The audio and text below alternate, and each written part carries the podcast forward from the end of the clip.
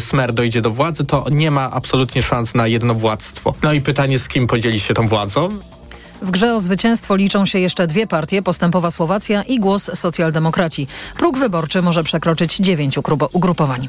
Kolejne wydanie informacji w TOK FM um, już za niespełna dwie godziny. Teraz informacje sportowe. Informacje sportowe.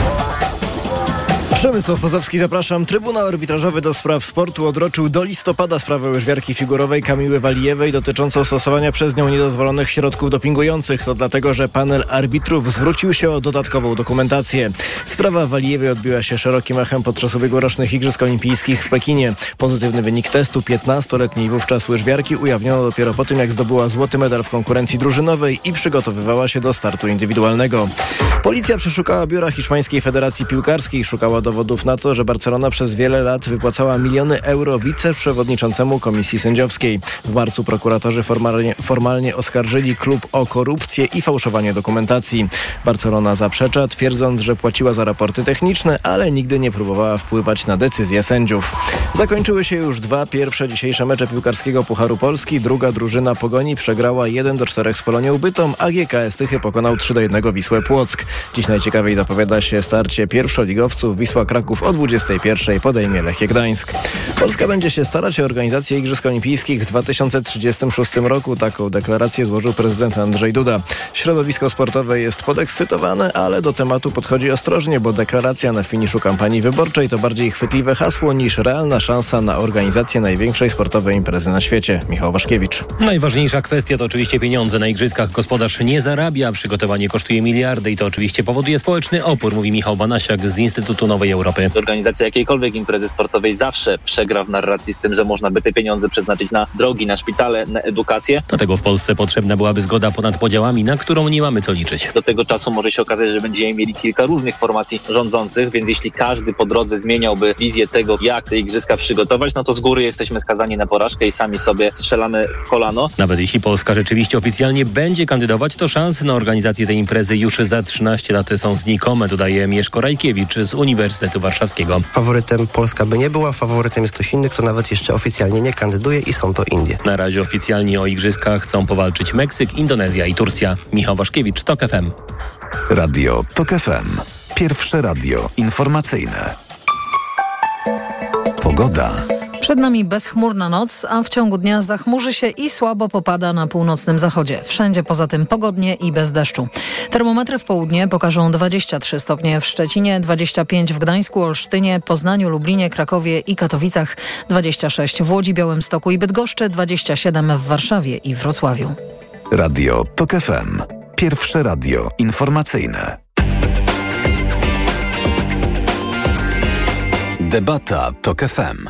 26. My zaczynamy kolejną przedwyborczą debatę w Radiu TOK FM. Ja nazywam się Wiktoria Drożkowiak e, i tę, tą debatę dzisiaj, tę debatę dzisiaj wydają Michał Tomasik oraz Karolina Kłaczyńska, a realizuje ją Krzysztof Olesiewicz, za co im bardzo już teraz dziękuję. E, I ze mną są kandydaci i kandydatki w tych już trwającej, w tej trwającej kampanii wyborczej. Za e, trochę ponad dwa tygodnie dowiemy się, jak będzie wyglądał polski Sejm, jak będzie wyglądał polski Senat po 15 października. Jest ze mną Marek Tucholski z Konfederacji numer 4 w okręgu 16, czyli w Płocku. Dzień dobry. Dzień dobry, dobry wieczór. Urszula Zielińska z Koalicji Obywatelskiej, a w zasadzie z Partii Zieloni numer 2 w okręgu 19, czyli Warszawa oraz zagranica. Dzień dobry. Dobry wieczór, witam wszystkich serdecznie. Anita Sowińska, Nowa Lewica numer 1 w okręgu 10, czyli Piotrków Trybunalski. Dzień dobry. Dobry wieczór Państwu. E, Rafał Jabłoński, bezpartyjni samorządowcy numer 25 w okręgu 19, czyli również Warszawa i zagranica. Dobry wieczór, witam wszystkich słuchaczy. I Ignacy Niemczycki, trzecia droga numer 2 w okręgu 35, czyli Olsztyn, którego jak słyszeliśmy nie słychać w e, pania, e, nie, nie, w którym nie słychać TOK FM-u, ale mamy nadzieję, że jednak mimo wszystko wyborcy dosłyszą to, co pan kandydat ma dzisiaj do powiedzenia. Dzień dobry. Dobry wieczór, witam słuchaczy i słuchaczki. Wielkim nieobecnym dzisiejszej debaty, już kolejnym kolejnej takiej debaty jest oczywiście Prawo i Sprawiedliwość, które nie odpowiedziało na nasze zaproszenie, co jest trudne, bo, bo trudno o polityce klimatycznej e, rozmawiać e, w e, gronie, w którym nie mamy rządzących, mam wrażenie. To znaczy kryzys klimatyczny zdecydowanie jest tematem ostatniej kadencji i e, szkoda, że, że nie udałoby się nam, nie udało nam się porozmawiać z przedstawicielami e, Prawa i Sprawiedliwości, no ale są wspaniałe kandydatki, wspaniali kandydaci, którzy są dzisiaj ze mną w studiu, więc bardzo dziękuję za zaproszenie, za, za przyjście i odpowiedź, odpowiedź na nasze zaproszenie. E, jesteśmy wszyscy też na żywo w studiu w Warszawie, więc e, ta rozmowa będzie na pewno, e, mam nadzieję, że będzie na pewno przyjemna. I chciałabym, żebyśmy zaczęli od takich dwóch szybkich strzałów, żebyśmy najpierw po minucie każdy z Państwa odpowiedział na, na, na dwa pytania, które, które do Państwa mam, a potem przejdziemy już do tej em, właściwej dyskusji, w której też będzie przestrzeń na adwocem, na takie większe pogłębienie tematów i e, zastanowienie się i pogłębienie tego, co Państwo jako kandydaci i kandydatki mają do zaoferowania wyborcom, ale też to, co e, przedstawiają Państwa komitety wyborcze. E, no i ten pierwszy szybki strzał to taki, taka formalność, czyli pytanie o to, czy kryzys klimatyczny i kryzys bioróżnorodności są Państwa zdaniem takim zagrożeniem, z którym komitety wyborcze, które Państwo reprezentują, e, po prostu umieją sobie poradzić. E, I może zaczniemy od Ignacego Niemczyckiego z trzeciej drogi. Tak, y, ja muszę na start podkreślić, że rzeczywiście reprezentuję tutaj trzecią drogę, natomiast sam jestem z partii Polska 2050 i proszę pamiętać o tym, że nie jedynie nasz wspólny program jako trzeciej drogi się tutaj liczymy. Nadal jesteśmy osobnymi partiami i było mi dzisiaj zaskakująco przykro, jak usłyszałem, że w TOK FM-ie dowiedziałem się, że Polska 2050 nie ma żadnego zielonego programu. To jest po prostu nieprawda. E, Zielone postulaty są podstawą naszego działania i mm, w ogóle w ten sposób powstał e, ten ruch. Czy kryzys klimatyczny i kryzys bioróżnorodności to jest coś, na co my próbujemy odpowiedzieć? Po pierwsze, e, i myślę, że niestety nie wszyscy tutaj się zgodzimy, kryzys klimatyczny i kryzys bioróżnorodności to są największe kryzysy, przed jakimi stoimy. Może trzeba zacząć od tego i sobie to powiedzieć zupełnie wprost, bo mam wrażenie, że ostatnie 16, a nawet więcej lat spędziliśmy na udawaniu, że nic się nie dzieje. Więc tak, my mówimy, że czekają nas ogromne zmiany, przestańmy się uszukiwać i w sensie takim podejścia klimatycznego, ale też gospodarczo. Już brak działań e, dotychczasowych nas stawia w gorszej e, sytuacji. Dlatego postulujemy osiągnięcie neutralności klimatycznej najpóźniej do 2050 roku. E, chcemy odejść od węgla najpóźniej do 2040 roku. Chcielibyśmy, żeby już w 2035 roku e, węgiel miał minimalny udział w miksie e, energetycznym. Stawiamy na energetykę prosumencką. Uważamy, że ta zielona transformacja w Polsce musi się odbyć z korzyścią dla obywateli i obywatelek i mogą też na tym skorzystać firmy. Już dzisiaj zresztą widzimy, jak dużo małych i średnich firm korzysta na wszelkich, wszelkiego rodzaju instalacjach e, fotowoltaicznych.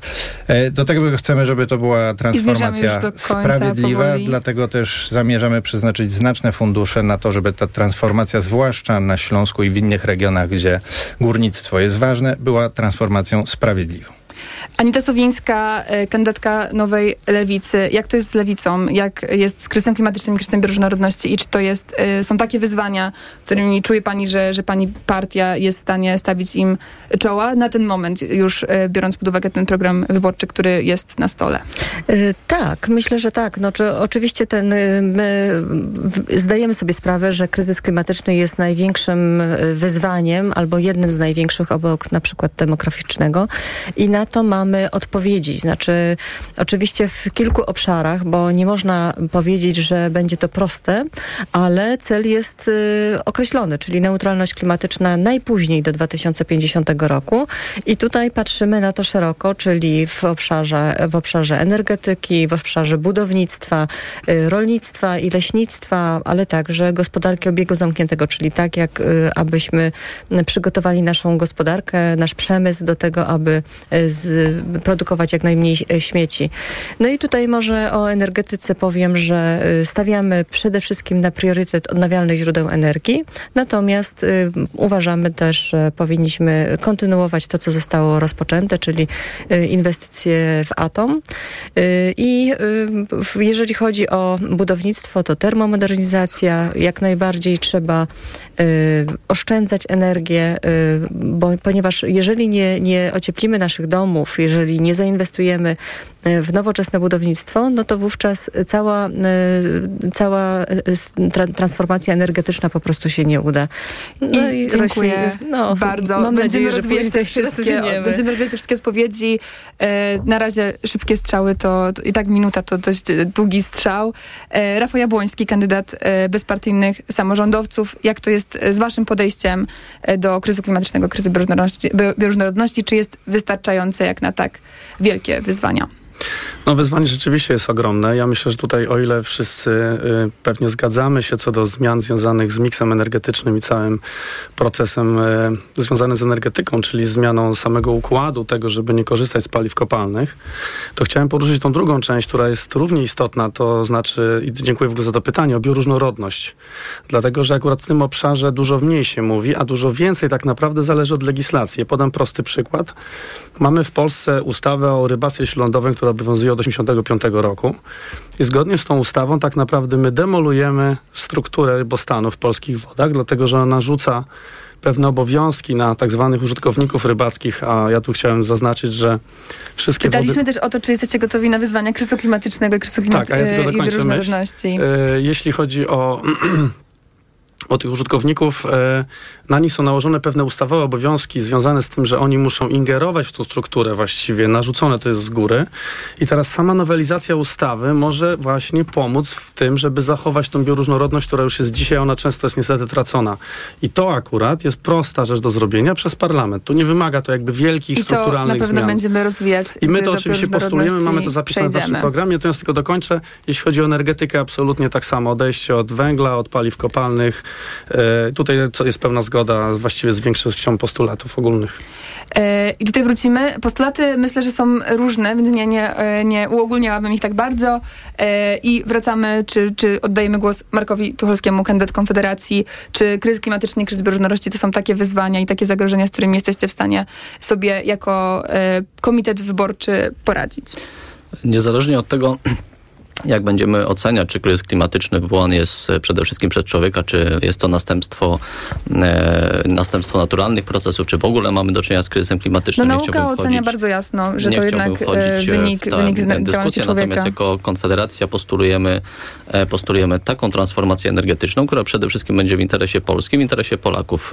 Uważamy i pewnie nieraz padnie tu podczas tej debaty, że uważamy troszeczkę inaczej niż większość sił politycznych. Jesteśmy, stoimy na gruncie takim, że energetyka i zmiany, jakie zachodzą w energetyce powinny przede wszystkim służyć ludziom, nie powinny być, nie powinny podlegać pod żadne ideologiczne, ideologiczne postulaty. E, Jako Konfederacja nie uważamy, że trzeba bardzo szybko odchodzić od węgla. Nie jesteśmy jakoś przyspawani do tego tematu, natomiast nie uważamy, że e, trzeba zamykać wszystkie kopalnie, całkowicie likwidować górnictwo. Uważamy, że e, dzięki węglowi możemy też produkować wodór. Z każdej tony węgla można wyprodukować 100, 160 kg wodoru i przy technologii CCS można e, zneutralizować emisję gazów cieplarnianych. Dlaczego ten postulat nie pada e, od środowisk ekologicznych? Przecież tu jest i wilk syty i owca cała. Jednocześnie możemy zachować e, trzon górnictwa, zachować know-how, zachować infrastrukturę i nie szkodzić e, klimatowi, jeżeli już uważamy, że CO2 szkodzi klimatowi. I do tych szczegółów również wrócimy. E, Urszula Zielińska, kandydatka Partii Zieloni, e, startująca z Koalicji Obywatelskiej. Jak wy, i tutaj chciałabym bardzo mocno podkreślić faktycznie też komitet wyborczy, z którego pani e, posłanka startuje. Jak jesteście, czy jesteście w stanie poradzić sobie z tymi wyzwaniami, jakimi są kryzys klimatyczny oraz kryzys bioróżnorodności?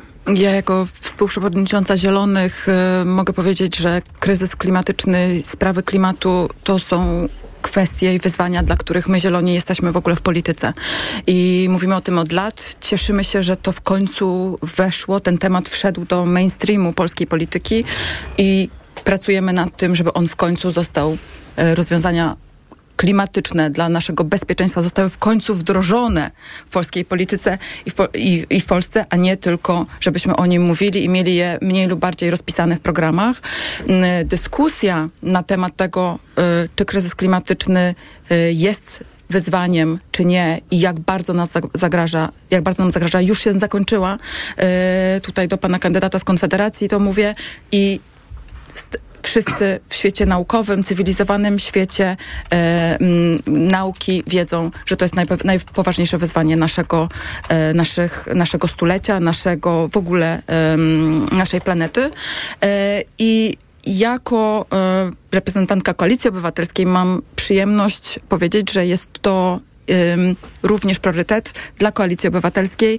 W 100 konkretach na pierwsze 100 dni zobowiązaliśmy się do przygotowania planu dla klimatu, planu na rzecz obniżenia emisji o 75% do 2030 roku, I o szczegółach tego planu ambitnym porozmawiamy też celem. za moment. O I- szczegółach tego porozmawiamy za moment, e, bo mam jeszcze drugi strzał, ale bardzo bym prosiła, żeby faktycznie był krótszy, więc może w dwóch, trzech zdaniach, gdybyśmy mogli się, gdyby, gdyby mogli Państwo odpowiedzieć na to pytanie. Chociaż to jest to pytanie, które mam wrażenie, że może tutaj podgrzeć nam w studiu atmosferę, e, ale jest to też pytanie o już wielkiego, jak już wspomniałam, wielkiego nieobecnego tej debaty, czyli Prawo i Sprawiedliwość. Jak oceniają Państwo politykę klimatyczną, ale też tą politykę energetyczną Prawa i Sprawiedliwości ostatnich e, czterech lat prowadzoną przez właśnie aktualną partię rządzącą przez, przez PiS. E, ale tak naprawdę wyjdźmy od takiego kluczowego e, elementu, albo bardziej nawet momentu. To mogą być nowe przepisy, to może być jedna z afer, czy, czy jeden z incydentów, które Państwa zdaniem symbolizuje politykę Prawa i Sprawiedliwości w kontekście ochrony przyrody, klimatu i bezpieczeństwa energetycznego w Polsce. I może zaczniemy od pani poseł Anity Sowińskiej z Nowej Lewicy. Y, Te ostatnie 8 lat oceniam bardzo źle. Mm, Jeżeli chodzi o politykę mm, energetyczną, to oczywiście takim symbolem jest y, zablokowanie na wiele lat y, rozwoju energetyki wiatrowej, co uważam, że było bardzo nieodpowiedzialne, także nie tylko ze względów takich klimatycznych, ale również ze względów ekonomicznych, dlatego że mm, energ- energia z wiatru na lądzie jest najtańszą ener- energią. I y, to wpłynęło również na y, kieszenie Polek i Polaków, ale także na bezpieczeństwo Polski, energetyczne Polski. Y, Oczywiście tych zastrzeżeń mam znacznie więcej, chociażby to, że nie, nie, w niewystarczającym stopniu inwestowano w, w linie przesyłowe, dystrybucyjne. Także blokowano przyłączenia. Na przykład, jeżeli przedsiębiorca chciał rozwinąć na swoim dachu fotowoltaikę czy wiatraki, to niestety, ale bardzo często spotykał się z odmowami, co także hamowało y, rozwój odnawialnych źródeł energii. No i myślę, że drugi symbol to są parki narodowe. Y, Prezydent Duda obiecywał, że y, wzmocni parki narodowe. Fakty są takie, że od 22 lat nic się nie zmieniło, nie powstał żaden nowy park narodowy i to jest wielka porażka tego rządu. Dziękuję bardzo. Jestem rówieśniczką ostatnio y, utworzonego Parku Narodowego, więc zawsze ten, ta, to porównanie jakoś mocno na mnie działa i wracamy do pana Ignacego Niemczyckiego, startującego z Polski 2050. Jaka jest tak, jaki jest taki symboliczny, symboliczny moment, symboliczna sytuacja, która reprezentuje to, jak wygląda polska polityka klimatyczna, energetyczna y, w ostatnich czterech latach. Ja nie mam w głowie takiej jednej sytuacji, ale bardziej sobie to obrazuję, wyobrażając sobie konkretne zwierzę. I to zwierzę to jest struś, bo to jest chowanie głowy w piasek. Znaczy, I mm, muszę to powiedzieć głośno e, przyjaciołam z opozycji i Platforma i PiS e, chowały głowę w piasek. Znaczy udawały, że, że problemu nie ma. Mm, PiS to robi już w sytuacji, w której naprawdę wszystko, wszystko wiemy i wiemy, że trzeba działać tu i natychmiast. I to po prostu będzie dla nas niekorzystne gospodarczo też, tak już po, po, pomijając sprawy e, klimatyczne. No tych symboli jest dużo, to o czym pani e, wspomniała wcześniej, czyli ustawa wiatrakowa. No niekorzystne zmiany dla prosumentów, jeżeli chodzi o produkcję energii e, ze słońca, e, ten nowy blok w Ostrołęce za miliardy złotych. No i to można i tak dalej, i tak dalej, i tak dalej. No po prostu ta polityka energetyczna PiSu nie ma absolutnie żadnego sensu i to już nie tylko polityka klimatyczna, ale polityka energetyczna. W 2018 roku Morawiecki mówił, że górnictwo to jest zawód przyszłości. No, e, dwa lata później podpisują z górnikami układ zbiorowy o tym, że do jakiegoś tam, już nie pamiętam do którego roku, jednak górnictwo węgla e, kamiennego zamkniemy. No, to tak wygląda, jakieś takie pozorowane ruchy kompletnie nieskładne. I tu stawiamy y, kropkę i to samo pytanie zadajemy panu Rafałowi Jabłońskiemu z Bezpartyjnych Samorządowców. Symbol y, polityki energetycznej i klimatycznej ostatnich czterech lat to? To znaczy, ja powiem tak, to symbolem jest doraźność i to nawet nie chodzi o ostatnie rządy PiSu, tylko i nawet wcześniejsze niestety. To znaczy, zabrakło chyba i nadal ja nie słyszę i nie widzę widzę żadnej wizji e, zmian takiej, która była przemyślana i byłaby spójną polityką. To się troszeczkę odbywa na zasadzie, że kiedy zaczęto inwestować w nowe moce węglowe i okazało się, że to już nie jest technologia przyszłości, to zaczęto nagle je jakby odwracać. E, do dzisiaj nie doczekaliśmy się projektu nowej energetyki jądrowej. Tak naprawdę to gdzieś tam jest w powijakach. E, ale to też dotyczy innych obszarów, ja chciałem tu zwrócić uwagę na no, katastrofę związaną z Odrą i tak naprawdę cały system zarządzania środowiskiem w Polsce, który właściwie leży. I to jest od lat niestety takie zaniedbanie, ponieważ my nie mamy takiej jednej spójnej służby, która by się tym zajmowała. Akurat to jest nasz postulat utworzenie taką Straż Ochrony Przyrody, która by połączyła kompetencje Inspektoratu Ochrony Środowiska, Państwowej Straży Rybackiej, Państwowej Straży Łowieckiej, Straży Leśnych w jeden podmiot, który byłby zarządzany przez ministra klimatu ponieważ i to jest wzorowane na, na rozwiązanych funkcjonujących w Stanach Zjednoczonych. Tam jest taka federalna służba US Fish and Wildlife Service, która zajmuje się całym obszarem związanym z zdarzeniami środowiskowymi, z przemytem zwierząt, ze wszystkim tym, co dotyczy środowiska i ochrony przyrody. U nas czegoś takiego nie ma. Każdy w zasadzie troszeczkę działa na swoją rękę. No i mamy taką sytuację, jaką mamy dzisiaj. Doraźne, krótkie działania, zagaszenie problemu do następnej, że tak powiem, awarii niestety. Do postulatów jeszcze będziemy przechodzić. Na razie zostajemy przy winach i o te winy też spytam e, panią Urszulę Zielińską z Koalicji Obywatelskiej, z Partii Zieloni. Prawo i Sprawiedliwość szło do wyborów 8 lat temu z takim chwytliwym hasłem Polska w ruinie. I to, co na pewno zrealizowali, to jest przyroda w ruinie, ponieważ dzisiaj w Polsce wycina się mniej więcej dwa razy więcej drzew niż w 85, kiedy mówiliśmy, że y, komuniści rabunkowo okradają niemalże polskie, polskie lasy z drzew. Najlepszym przykładem tego są słowa Jarosława Kaczyńskiego palcie wszystkim, tylko nie oponami. To jest polityka antyklimatyczna i antyekologiczna, ale ona ma też cenę i ta cena to wyobraźcie sobie Państwo tylko w zeszłym roku utrzymanie tego kolosa na glinianych nogach, jaką jest polska energetyka oparta na węglu i na paliwach kopalnych, kosztowało nas ponad 450 miliardów złotych tylko w zeszłym roku. To jest dwie trzecie budżetu państwa. I to jest cena, jaką płacimy za politykę Prawa i Sprawiedliwości w stosunku do energii, ekologii, ale przede wszystkim do nas, do naszego zdrowia, bo to się przekłada przede wszystkim na nas i na nasze zdrowie bezpośrednio, codziennie w postaci 90 tysięcy przedwczesnych zgonów rocznie z powodu toksycznego powietrza, którym oddychamy. I to jest po prostu absolutnie do zmiany. I tutaj też stawiamy kropkę, wracamy do pana Marka Tucholskiego, startującego z Konfederacji. E, jaka jest jedna wina e, Prawa i Sprawiedliwości w ostatnich czterech, lat, jeśli chodzi o, czterech latach, jeśli chodzi o politykę klimatyczną i energetyczną? No, tych win jest bardzo dużo, nie tylko jedna, choć przypuszczam, że będę krytykował PiS e, trochę z innej strony niż większość z Państwa. takim symbolem jest właśnie blok w Ostrołęce, takim symbolem jest węgiel w porcie Gdańsku. To już blok w Ostrołęce.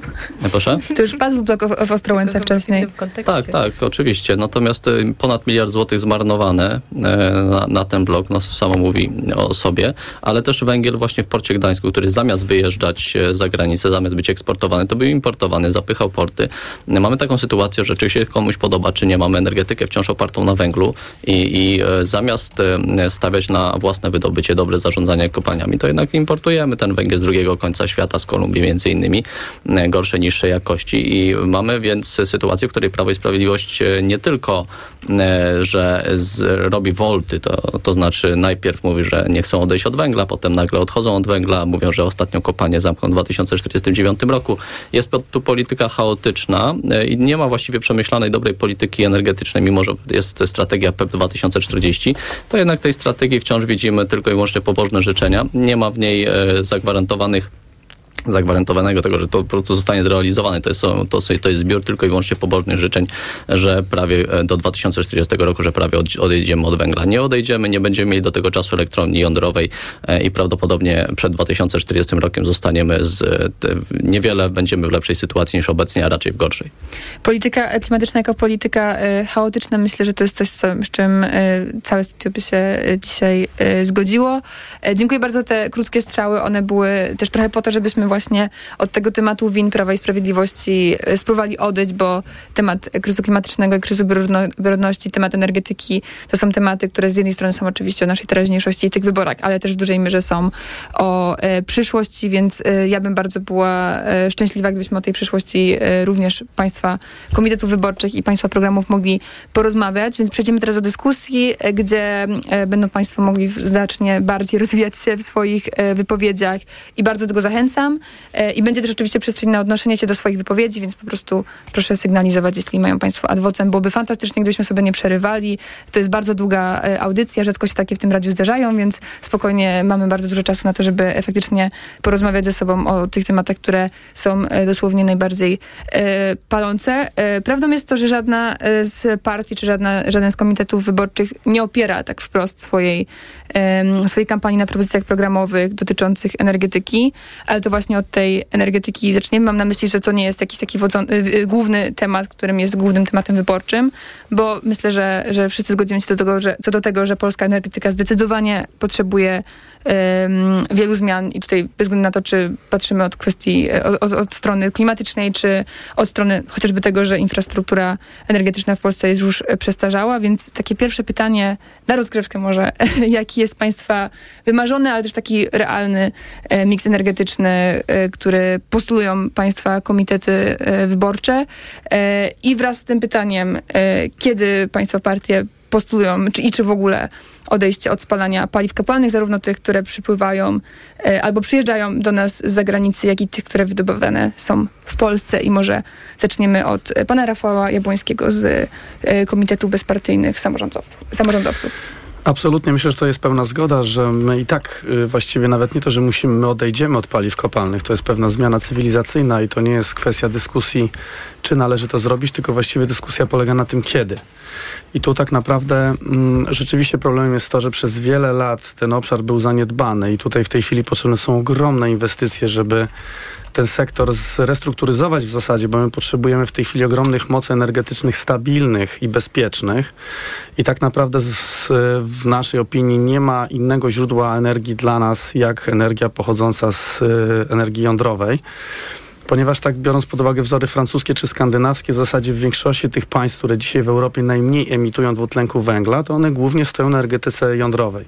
Oczywiście uzupełnieniem tego miksu jest energetyka odnawialna i my w pełni ją popieramy, przy czym to nigdy nie będzie, przynajmniej dzisiaj jeszcze nigdzie na świecie się tak nie udało, żeby to było główne dominujące źródło energii.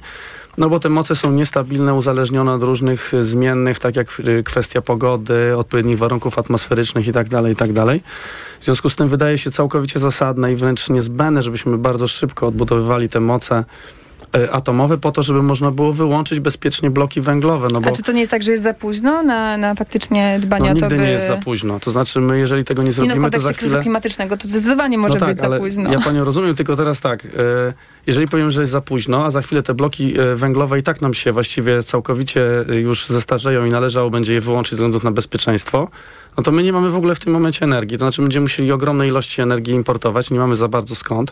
W związku z tym w zasadzie należy natychmiast podjąć działania związane z budową mocy jądrowych po to, żeby bezpiecznie zastąpić tą energetykę węglową.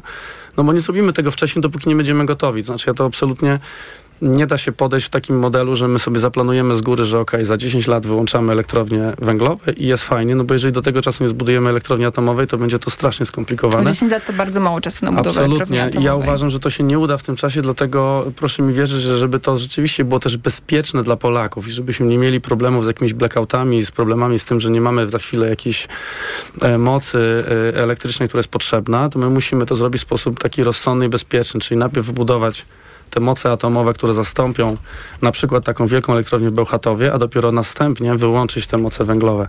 Niestety zmarnowano dużo czasu, bo dzisiaj o tym nadal, nadal dyskutujemy, a pewnie byłoby fajnie, gdybyśmy wiedzieli, że już przynajmniej ze dwie takie elektrownie są w budowie, a być może jedna już mogłaby działać. Ale niestety, tak jak mówiłem wcześniej, to są już lata zaniedbań i teraz już nie ma w zasadzie do czego wracać.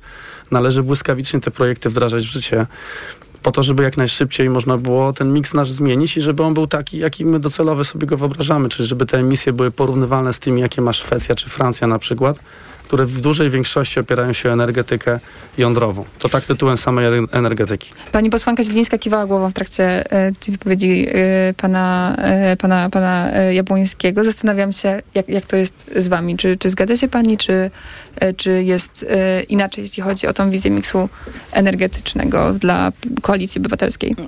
Absolutnie się nie zgadzam z przedmówcą, przede wszystkim dlatego, że my nie mamy czasu. My dzisiaj mamy najbardziej wysokoemisyjną mm, gospodarkę w Europie. Polska jest, y, pokażę Państwu, szkoda, że słuchaczom nie mogę, ale Electricity Map. Na- Brunatna plama na mapie Europy. Tak, dla naszych słuchaczy wy- wyspa. ewidentnie jest tak, że Polska faktycznie jest e, bardzo, bardzo brunatna i też Co to polecamy oznacza? sprawdzać to w To się internecie. bezpośrednio przekłada na koszty produkcji. Y, To jest najbardziej emisyjny przemysł, który ponosi wysokie koszty braku reform, braku zmian, braku wdrażania nowych technologii. Wszyscy cierpimy przez to. Inflacja, wysoka, gigantyczna inflacja dwucyfrowa w Polsce również z tego się bierze. I nasz model docelowy, który, o którym mówimy jako Zieloni, którego chcemy jako Koalicja Obywatelska i który będziemy wdrażać konsekwentnie i bardzo szybko, to jest model oparty przede wszystkim o odnawialnych, polskie źródła energii. Nie katarski gaz, nie em, technologię jądrową z, ze Stanów Zjednoczonych, Korei Południowej, Francji czy kogokolwiek, nie uran z Rosji, e, od którego uzależniona jest i Europa, i, i, i Stany Zjednoczone. Tylko o polskie słońce, polski wiatr, polski biogaz rolniczy, polskie magazyny energii. Czy wiecie Państwo, że tylko w ciągu trzech lat obecny rząd odrzucił wnioski o przyłączenia konsumenckich, obywatelskich, odnawialnych źródeł energii o mocy dwóch elektrowni Bełchatów. 11 gigawatów energii. Odrzucono, ponieważ stały y, w konkurencji, były konkurencją dla polskiego monopolu energetycznego, e, którym dzisiaj zarządza prezes Obajtek, y, którym zarządza Prawo i Sprawiedliwość. E, 11 gigawatów mocy. To są dwie elektrownie Bełchatów. Ludzie, my, konsumenci, prosumenci, chcieliśmy sobie podłączyć w magazynach energii, w wietrze, w słońcu przez 3 lata. Czyli można to zrobić, trzeba tylko chcieć. Trzeba tylko przestać to blokować, świadomie blokować. I my taki program przedstawimy w pierwsze 100 dni. Program, który do, po, pokaże, że można, możemy w Polsce być liderem w zielonej energii, w tanim prądzie, liderem Europy i nie brunatną wyspą, tylko zieloną wyspą faktycznie. I to zrobimy w pierwsze 100 dni i do tego cała Koalicja Obywatelska i to z niezwykłą radością mówię i dumą, e, bo tego jeszcze nie było. Cała Koalicja Obywatelska zobowiązała się w 100 konkretach na 100 dni. I do tej wypowiedzi mamy e, już dwie osoby, które chciałyby zabrać głos. E, pani Anita Sowińska, Nowa Lewica. Zgadzam się z moją przedmówczy- przedmówczynią, że nie mamy czasu, natomiast obawiam się pewnej takiej sytuacji, kiedy spotkamy się po wyborach, będziemy two- tworzyć y, rząd, natomiast znowu zaczniemy rozmawiać o tym, czy potrzebny jest nam atom, czy niepotrzebny nam atom. Y, obawiam się tego. Y, I uważam, że jednak w polityce energetycznej potrzebny, potrzebna nam jest stabilizacja i pewna kontynuacja podjętych decyzji. Jakkolwiek, oczywiście ja osobiście i zresztą Lewica uważamy, że priorytetem są odnawialne źródła energii, aczkolwiek nie jesteśmy y, przeciwnikami atomu. Y, I te, też y, uważam, że takie strategiczne decyzje powinny być podejmowane na podstawie y, racjonalnych czynników czynników. I tutaj mam na myśli trzy czynniki. Oczywiście pierwszy to są y, kwestie klimatyczne i tutaj kluczowym jest czas, bo oczywiście przy inwestycjach w, w atom ten czas y, rozwoju tej e- energetyki jest y, długi, natomiast to jest jeden z czynników. Drugi to są kwestie ekonomiczne i tutaj mam na myśli zarówno inwestycje w dany rozwój danego, mm, danego, danej części miksu energetycznego, y, jak i ceny energii. No i tutaj y, tak naprawdę, jeżeli sobie, oczywiście y, elektrownie atomowe są drogie i tutaj nie ma żadnych mm, jakby sp- sprzeciwu. Natomiast też jeżeli pomyślimy na to, o tym szerzej, jeżeli pomyślimy o tym, że miałoby być 100% OZE w Polsce, co teoretycznie jest możliwe, przynajmniej część ekspertów mówi, że jest możliwe. Oczywiście. Ja się, ja się generalnie z tym zgadzam, ale zobaczmy, że z punktu widzenia ekonomicznego to również będzie bardzo dużo kosztować, ponieważ będziemy musieli zainwestować w magazyny energii, które będą droższe. No i trzeci, trzeci filar to jest oczywiście bezpieczeństwo i tu mam na, na myśli za, zarówno y, bezpieczeństwo surowcowe i tutaj oczywiście za odnawialnymi źródłami y, energii jest to, że tych surowców nie musimy znikąd importować. To są nasze narodowe słońce, wiatr i oczywiście biogaz. Natomiast jeżeli chodzi o bezpieczeństwo do, dostaw energii, no to musimy się zastanowić, czy jesteśmy y, w stanie zaryzykować, że na przykład szpital będzie y, w pewnym momencie wyłączony od prądu. No nie jesteśmy w stanie tego zaryzykować. No tak, ale nie piszmy I tych scenariuszy, pyta- że ja zastanawiam się, pytanie- czy, czy, czy tylko jeszcze to, ta odpowiedź na to, Oczywiście. kiedy Natomiast- faktycznie odejdziemy od spalania paliw kopalnych, od węgla, Tak, od y, gazu. Już. Y, Konkludując, ja uważam, że powinniśmy kontynuować i oczywiście na, powinniśmy napisać nową strategię energetyczną do 2050 roku, natomiast nie wywracać z powrotem tej dyskusji, która się toczyła y, przez 8 lat, ponieważ naprawdę nie mamy już na nią, na nią czasu. Y, Jeżeli chodzi o odejście od węgla, Lewica jest zdania, że powinniśmy odejść do 2035 roku. A gaz? To znaczy, gaz uważam, znaczy nie mamy tego bezpośrednio w programie, natomiast gaz jest w pewnym sensie paliwem przejściowym. Powiem tutaj na przykładzie elektrociepłowni, dlatego To że... może wróćmy do tego tematu jeszcze przy bo- bo- kolejnych ponieważ, pytaniach. cie- No, no, mo- A, e, bo- pytała mnie o to, więc Tak, ale pytałam, jednym pytałam o zdaniem- konkretne, konkretne daty. Je, jednym zdaniem, elektrociepłownie oparte na gazie ziemnym można przekształcić y, teoretycznie również na biogaz czy, czy, czy paliwa zielone, więc można to traktować, szczególnie w małych i średnich miastach, można to traktować jako paliwo przejściowe, a celem jest neutralność klimatyczna oczywiście. Rafał Jabłoński z Bezpartyjnych Samorządowców Tak, również chciał się od tego ja odnieść i ja jeszcze tylko, dosłownie. a ja, ja jeszcze poproszę o trzecie zdanie, o zdanie e, w kontekście właśnie tego, kiedy odejście od paliw kopalnych, jeśli w ogóle. To tak króciutko, bo ja chciałem tylko takie małe uporządkowanie wprowadzić, ponieważ ja uważam, że jakby mówienie o OZE jako o zielonej energii wprowadza pewne zamieszanie, dlatego że ja bym wolał, żebyśmy definiowali energetykę na poziomie czystości emisji, to znaczy tych, które są bezemisyjne, bo emisja y, z gazu ziemnego czy z biogazu jest też nadal emisją. Nawet zbiorniki hydroenergetyczne emitują metan. Metan jest jednym z najgorszych gazów cieplarnianych. W związku z tym, a to jest OZE, bo każdy powie, że fajnie, zastępujemy teraz moce węglowe na przykład energetyką hydroenergetyką, czyli energetyką pochodzącą z wody, tylko że to nie jest czysta energia, energia dalej. Jeżeli my mówimy w tej chwili o kryzysie klimatycznym, to należy te rzeczy rozróżnić, żeby trochę nie mieszać też wyborcom w głowach i mówić, że OZE jest w całości zielone, bo tam są na przykład często magazyny energii, które się mówi też, bo one są w większości oparte o zbiorniki tak zwane elektrownie szczytowo-pompowe, to też znowu emituje nam metan. W związku z tym dalej musimy szukać źródeł czystej energii. W tej chwili od atomu właściwie nie ma żadnej alternatywy. W żadnym państwie w Europie to się nie udało. Ja patrzę dalej, odwołuję się do tej Skandynawii. Norwegia, która ma ogromne ilości prądu z hydroenergetyki i tak podpiera się mocami atomowymi. W związku z tym my tego nie unikniemy. Ja nie wierzę trochę w takie fajne, mm, utopijne podejście, że całą energetykę oprzemy o OZE, dlatego że jak nam się przydarzy wakacyjny, ciepły, lipcowy dzień, gdzie fotowoltaika nie będzie działała, będzie bardzo ciepła, a sprawność wtedy tych instalacji spada do zera praktycznie i nie będzie wiatru, to nie mamy prądu w tym momencie. Dlatego my musimy też zadbać o bezpieczeństwo tego całego systemu. I wszyscy właściwie eksperci są zgodni, że energetyka jądrowa podparta OZE jest najlepszym miksem energetycznym. My całkowicie to popieramy. I teraz wracając do... Odwrotnie. OZE podparte atomem. To ja dopytam, to jest to ja kwestia wejdę, już wejdę w tutaj ten moment i ekspercka, ale tylko chciałem kiedy, powiedzieć kiedy, od, właśnie. kiedy odejść od Wtedy, kiedy no, wybudujemy te moce jądrowe, no bo inaczej tego nie zastąpimy. I proszę mi wierzyć, Czyli dopiero że... jak powstanie elektrownia atomowa Możemy od się tu założyć, każdy z Państwa się założy, że my dopóki nie wybudujemy e, elektrowni jądrowej, nie wyłączymy wszystkich elektrowni węglowych. To się po prostu nie Jeśli, uda. jeśli faktycznie zostanie Nie, wybudowana, to nie. zapraszam Państwa bardzo serdecznie jeszcze raz na rozmowę i będziemy wtedy e, sprawdzać ten zakład. Ignacy Niemczycki, który też się e, zgłaszał w międzyczasie. Kiedy Wy odejdziecie od spalania paliw kopalnych i jaki jest miks energetyczny, który, o którym marzy e, Polska 2050?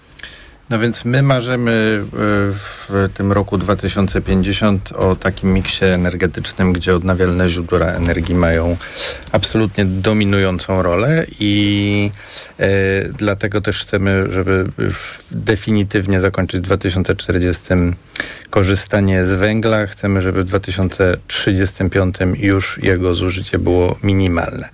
E, Zgadzam się z tym, co powiedziała pani z lewicy, że najpewniej wygląda na to, że będziemy musieli się wspierać atomem.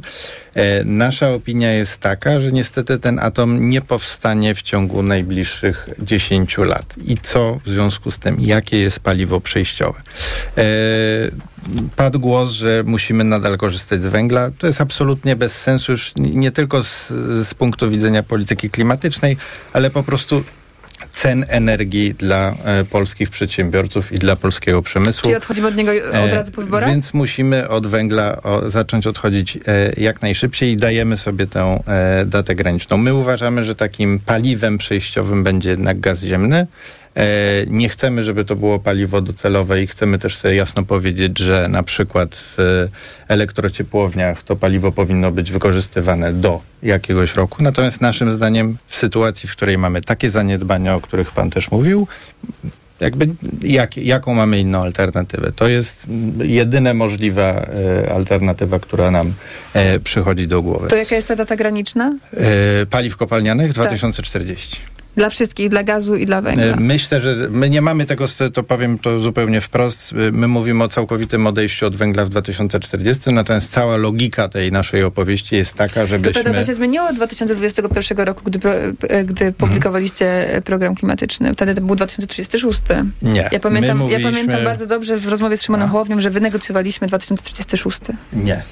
Ja mam ze sobą, znaczy wiem dokładnie o którym dokumencie pani mówi, bo mam go ze Tak, sobą. ale to było potem na, na, wynegocjowane, na, na bardzo dobrze zielonym, pamiętam. e, zie- zielonym szlaku. E, mm, Nie, nie chcę mówić o przeszłości, bo nie wiem po prostu, więc nie będę się mądrzył. Nasza propozycja dzisiaj jest taka, że 2040 to jest ostateczny moment, 2035 to jest minimalny udział e, węgla kamiennego. Cała logika tej naszej opowieści jest taka, że idziemy jak najszybciej w stronę OZE na tyle, na ile to jest realne. Marek Tucholski, Konfederacja, jaki jest miks energetyczny e, namalowany i zaplanowany przez e, Konfederację. E, no i czy jest tam też przestrzeń dla dalszego spalania paliw kopalnych, a jeśli nie, to, to kiedy planujecie odejść od spalania węgla i od spalania gazu? Taki wymarzony miks energetyczny to jest taki miks, który daje tanią i pełni dostępną energię Polakom. To jest podstawa. My y, uważamy, że to obywatele polscy są podmiotem i to obywatele polscy muszą być w centrum zmian, także transformacji energetycznej. I ta transformacja energetyczna powinna być podporządkowana e, właśnie e, Polakom. I tutaj trzeba parę rzeczy uporządkować, bo przysłuchałem się w tej chwili, przez chwilę tej dyskusji. E, uważam, że troszeczkę ona się porusza w świecie mitów. To znaczy mitem jest mówienie, że samo, same pogodowo zależne źródła energii wystarczą do tego, żebyśmy byli bezpieczni energetycznie. To jest, to jest fałsz, tak nie jest. E, Wiatraki i fotowoltaika nie są źródłami, z których możemy korzystać Nikt tego nie mówi. w taki sposób. Nie no, pani z Koalicji Obywatelskiej tutaj Nie, bardzo nie mocno stawia na, na e, OZE. Może- ja to może zaraz wrócimy też do pani Zielińskiej, żeby mogła e, się energii, odnieść do ponieważ tego. OZE to nie tylko wiatraki i fotowoltaika, e, a właściwie to nie wiatraki i fotowoltaika, tylko to jest ewentualnie geotermia i biogaz.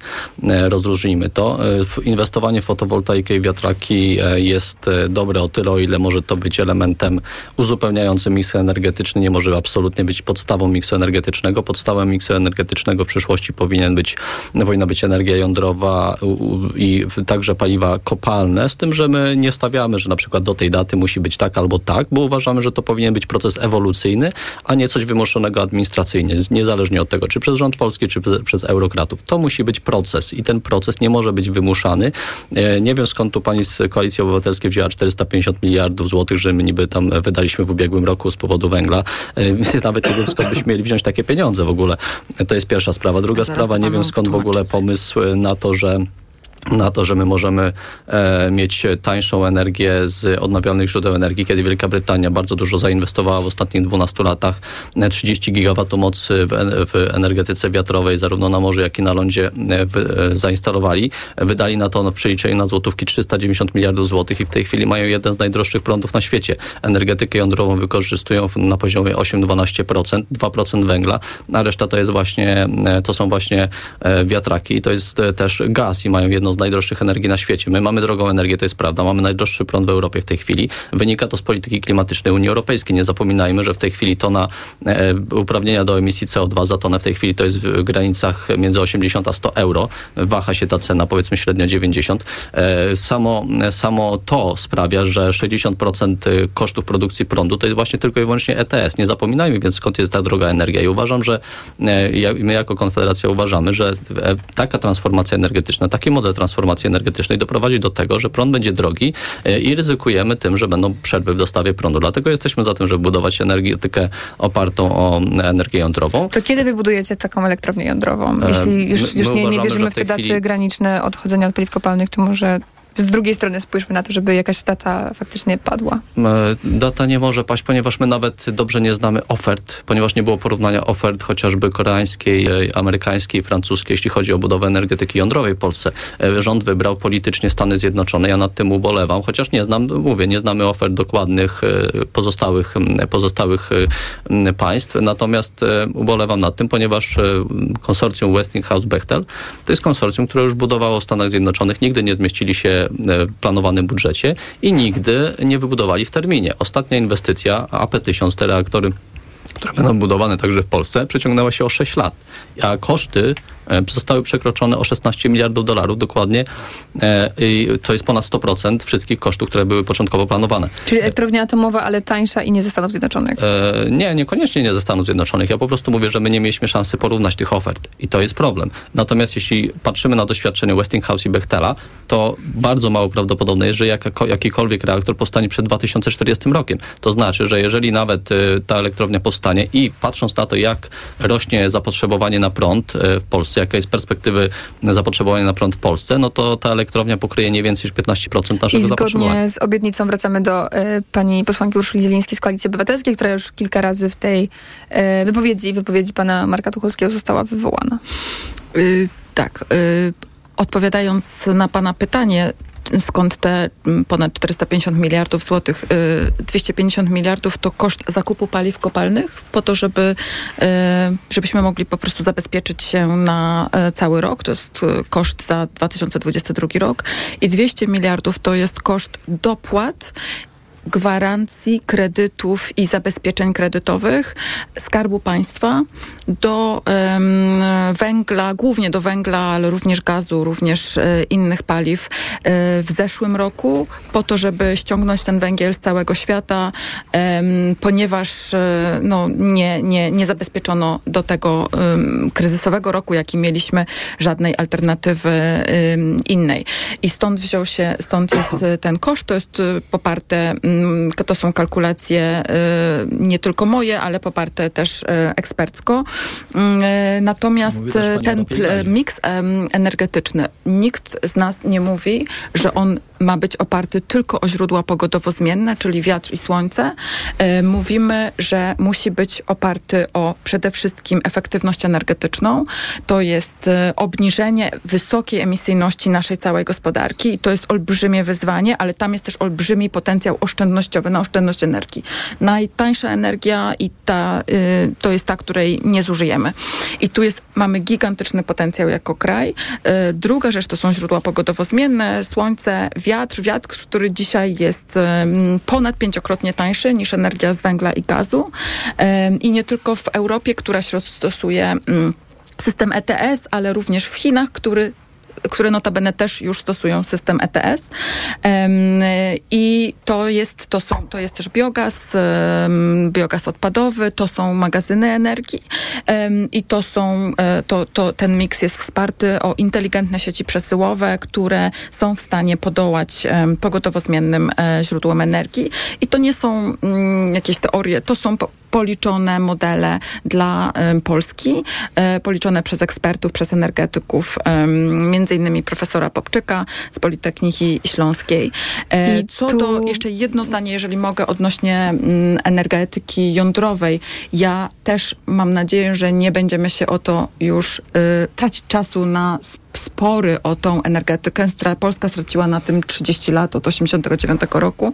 E, dla porządku dodam, że jako Koalicja Obywatelska mamy zobowiązanie opracowania założeń dla spójnego programu rozwoju energetyki jądrowej i precyzyjnie określenia jego sposobu finansowania, ponieważ dzisiaj nie ma tego um, sposobu finansowania um, polityki energetycznej jądrowej rządu Prawa i Sprawiedliwości. Natomiast jako przedstawicielka Zielonych powiem, że jestem spokojna, że w momencie, kiedy postawimy na źródła odnawialne i na efektywność energetyczną, żeby obniżyć emisję o 75% do 2030 roku, to zanim ta e, pierwsza elektrownia jądrowa miałaby powstać gdzieś około roku 2033, będziemy już wiedzieli, że ona absolutnie nie jest potrzebna, nie są nam potrzebne te koszty. I tutaj teraz już, już stawiamy kropkę. E, pani e, posłanka Anita Sowińska, Nowa Lewica, bardzo proszę faktycznie krótko, bo jeszcze mamy parę pytań i parę wątków, o których na pewno nasze słuchacze i nasi słuchaczki chcieliby, nasi słuchacze i nasze słuchaczki chciałyby usłyszeć.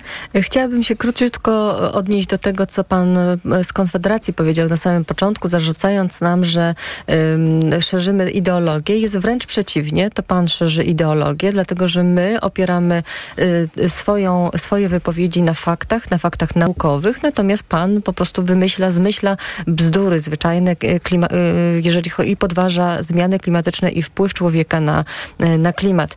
I y, drugie, druga, drugie odniesienie do Pana wypowiedzi ETS-y. Y, robicie bardzo zły PR wokół ETS-ów, zupełnie niepotrzebnie.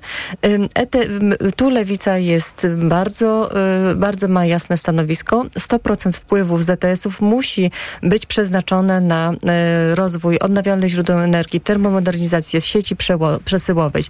Obecnie zachowujemy zachowujecie się tak, jakby jak mamy stary dom, który jest nieocieplony, e, bardzo duże rachunki są za prąd, natomiast wy e, wyjeżdżacie na wakacje do e, Egiptu, natomiast nie inwestujecie w ten dom i nie ocieplacie go. To jest błędne koło, które jest absolutnie nieodpowiedzialnym działaniem. Po to są ETS-y, po to jest to narzędzie finansowe, żeby mobilizować kraj, mobilizować przedsiębiorstwa do tego, aby inwestowały. Natomiast wy, y, podobnie jak cała prawica, przejadacie te środki. Pan Marek Tucholski chciał się odnieść. Y, ja jeszcze przy okazji dopytam, y, bo padło jakieś takie sformułowanie o tym, że, że, że opiera pan swoje postulaty na, na bzdurach. No właśnie skąd, co jest podstawą dla te, tego kierunku, który prezentujecie, dla którego, który też pan prezentuje? Dobrze, po kolei. To tak, pani poseł w Egipcie nie byłem. Nie widzę też nic złego w tym, żeby ludzie podróżowali do Egiptu. E, natomiast e, jeśli chodzi o to, pani, co pani powiedziała, że ja tam podważam jakiś e, konsensus naukowy, coś takiego, ja powiedziałem na początku wyraźnie, że nie chcę wchodzić w ten spór, nie o to mi chodzi. Nie chcę go tam ani rozstrzygać, ani ciągnąć, bo teraz jest, bo to jest debata o energetyce, ja to oddzielam. Klimat i energetykę to są Nie, no to jest debata o klimacie, jak najbardziej. To jest Więc... debata klimatyczna. Dzisiaj mamy debatę klimatyczną, Dobrze, nie tak, energetyczną. Ale jeśli chodzi o energetykę samą i stricte klimat, Mam nadzieję, ja że nasz ja wydawca Michał Tomasik wysłał dobrego maila do, do biura prasowego. Tak, tak. Nie, nie, mieszam, nie mieszam jakby tych dwóch wątków. Dla Pokazuje, mnie to jest tak. troszeczkę coś innego. E, I teraz pani powiedziała, że jakieś tam bzdury opowiadam, że to jakieś rzeczy nierzeczywiste. E, to tak, to uporządkujmy pewne rzeczy. Padło tutaj coś takiego, że e, mamy dzięki wiatrakom fotowoltaice mamy energię polską darmową. No oczywiście słońce świeci za darmo, wiatr wieje za darmo, ale już komponenty do produkcji turbin wiatrowych nie są za darmo. Komponenty do produkcji fotowoltaiki nie są za darmo. My je ściągamy przede wszystkim z zagranicy. Nie wiem, czy pani wie, a 10 największych firm produkujących do... turbiny wiatrowe... 6, a paliwo 6... do elektrowni jądrowych to co, też mamy za dar... znaczy mamy polskie, nasze narodowe? Szanowna pani, 6 na 10 firm, które produkują wiatraki największych na świecie, to są firmy chińskie. W tych 10 jest jeszcze jedna niemiecka, nie- jedna niemiecko-hiszpańska, jedna duńska i jedna amerykańska. Tam nie ma polskich firm. My te komponenty kupujemy. Owszem, pani mówi, że my kupujemy z zagranicy węgiel, paliwo, gaz i tak dalej. To prawda, ale komponenty też będziemy musieli kupować. Pamiętajmy, że Unia Europejska e, importuje metale ziem rzadkich. Pamiętajmy, że surowce, które są potrzebne do transformacji energetycznej w duchu unijnym, e, są po prostu sprowadzane z różnych krajów świata, e, z dalekich krajów świata, w tym, e, w tym na przykład z Chin. 97% magnezu sprowadzamy z Chin, e, 99% boru sprowadzamy z Turcji, 79% litu sprowadzamy z Chile, szanowni państwo. Ty już padło bardzo dużo liczb. E, I, Ja już nie zapamiętałam i to, wszystkich. Te wszystkie, te i jeszcze inne surowce potrzebujemy ściągnąć, importować. I z jednej strony martwi. mamy się uniezależnić, bo taka jest narracja od krajów arabskich, jeśli chodzi o ściąganie ropy e, czy gazu z Kataru, a z drugiej uzależniamy się od Chin, Kolumbii, Chile czy innych krajów w sprowadzaniu metali ziem rzadkich, których w Unii Europejskiej nie ma. Mamy 7% e, surowców, które mogą te zapotrzebowania, jakie w tej chwili mamy, zaspokoić, a do 2030 roku pięciokrotnie wzrośnie zapotrzebowanie na te surowce. Więc to są mrzonki, że my możemy tą transformację przeprowadzić, e, zwiększając jakoś bezpieczeństwo energetyczne. Nie, my zmniejszamy bezpieczeństwo energetyczne, uzależniamy się od innych. I teraz to, co pani mówiła, w jaki sposób, e, na czym opieram e, naszą koncepcję. Nas, naszą koncepcję opieram na tym, że zamiast robić rewolucję, my chcemy robić ewolucję. To znaczy my chcemy przechodzić od paliw kopalnych do nowych technologii stopniowo, nie odrywając się od fundamentów naszej energetyki, jednocześnie przechodząc dalej, wykorzystując nowe technologie, budować taki miks, który będzie gwarantował nam tanią energię, dostępną i nie będzie e, takiej sytuacji, jak e, prawdopodobnie będzie, jeżeli pójdziemy drogą, którą proponuje Koalicja Obywatelska, że będziemy mieć prąd wtedy, kiedy będzie wiatr, wiatr wiał albo świeciło ostatni słońce. w Europie, ostatni na świecie. I Świetny bardzo, pomysł i, bardzo y, na prosiła, innowacje. I bardzo prosiłabym, mamy jeszcze dwa głosy, żeby one naprawdę były krótkie, bo jeszcze jest dużo pytań, które chciałabym Państwu zadać. Pan e, Ignacy Niemczycki, Trzecia Droga, a zaraz po nim Pani Urszula Zielińska, Koalicja Ja Obywatelska. chciałem pana z Konfederacji zapytać, bo powiedział pan o. Mówił pan dość dużo o energetyce jądrowej, że nie wiemy kiedy, ale tak i że, że, że to dobry kierunek. Potem pan zarzucał odnawialnym źródłom energii, że to będziemy wspierać chińskie firmy. To rozumiem, że ta energetyka jądrowa to ma być polska energetyka jądrowa, tak? Zbudujemy polski reaktor, tak? to I to, to, to wie pan, ja, może y, pan tu mówi o mrzonkach. Znaczy, jeżeli mamy zbudować polski reaktor, to to nie będzie rok 2033, tylko to mówimy o 2055 co najmniej. Tak? wie pan, że jest reaktor? generalnie nie, nie, nie, nie myślmy y, w ten Że sposób, bo nie, nie dojdzie. Reaktor Oczywiście? Tak, oczywiście, wiemy. że wiem. No. Tak, No i, i co? maleńki, I, tak. te, I tę technologię chce pan wy, wy, wykorzystać do budowy reaktorów w Polsce, tak? To, I wracamy- to, to naprawdę i wracamy- powodzenia. Wraca- taką totalną niewiarę, że my po pierwsze możemy zrobić coś sami. My nie, nie stawiamy na to, żeby sami wybudujemy to nie jest rozmowa że pana, to mówi pan, o, o mówi pan o mrzonkach. To jest mrzonki. Polski reaktor jądrowy, który miałby powstać w ciągu najbliższych dwóch dekad, to jest jakaś po prostu aberracja. Szanowni Państwo, Urszula Zielińska, Koalicja Obywatelska. Bardzo krótko i wracamy do e, ważnych kolejnych tematów, które mamy do poruszenia, bo w końcu klimat to ważny temat. Ja chcę zwrócić uwagę, że pan dotknął do dwóch poważnych problemów bardzo realnych, o których należy rozmawiać i chciałabym, żeby dzisiaj, żebyśmy więcej spędzali czasu na rozmowie o tych problemach. E, Po pierwsze, pierwszy to jest ucieczka technologii. E, To, że dzisiaj Chiny są liderem światowym w produkcji paneli fotowoltaicznych, to dlatego, że przespaliśmy ten moment jako Europa i pozwoliliśmy Chinom odebrać być pierwszymi w rozwoju tej technologii. To samo dzieje się właśnie z kolejnymi nowymi technologiami i dlatego, że jesteśmy zapóźnieni we wdrażaniu innowacji, w stawianiu na nowe technologie i rozwój, na przykład zielonych, e, zielonych technologii, ryzyko że kolejne technologie będą nam uciekać, będą uciekać z Polski, będą uciekać z Europy, będziemy w ogonie zmian, będziemy płacić wysokie koszty braku zmian, jest dla nas wysokie. I między innymi właśnie dlatego powinniśmy w brać udział w rozwoju, w badaniach i rozwoju, w rozwoju nowych technologii po to, żeby zatrzymać się tutaj, po to, żeby produkować te rzeczy w Polsce, po I to, żeby na tym przy- budować nasz kapitał. I zostajemy wciąż przy energetyce, dlatego że e, mam wrażenie, że Państwa poglądy już bardzo wybrzmiały i widzimy też te rzeczy, które są, pozostają jakąś kością e, niezgody. Po to są debaty, żebyśmy je e, i na, przynajmniej żeby nasi słuchacze i nasze słuchaczki mogły je zauważać. E, ja chciałabym przejść do spółek energetycznych, już w takim e, rozumieniu państwowych spółek energetycznych, które, które w Polsce mamy e, co, co niemiara. E, Jaki plan na nie? E, Czy, czy będzie rewolucja, czy faktycznie raczej wymiana kadr? Co na przykład już z tym e, Orlenem, o którym, o którym mówi się tak dużo, a jakichś takich konkretnych planów, mam wrażenie, że one wciąż nie wybrzmiały.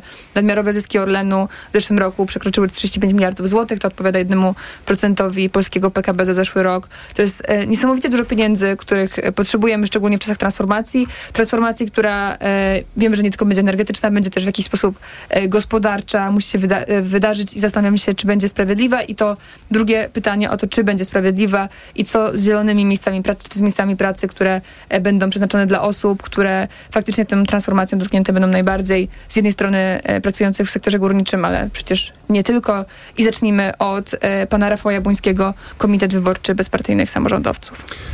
Znaczy, jak rozumiem, tu przywołaliśmy przy, przykład Orlenu. No, trudno, żeby nie miał dużych zysków, jeżeli to się stworzył właściwie taki duży monopolista w wielu obszarach. I tak naprawdę... Tak mówię o nadmiarowych zyskach, czyli takich tych windfall e, Tak, ja rozumiem, ale to tak jakby to jest, e, e, kryzysem energetycznym.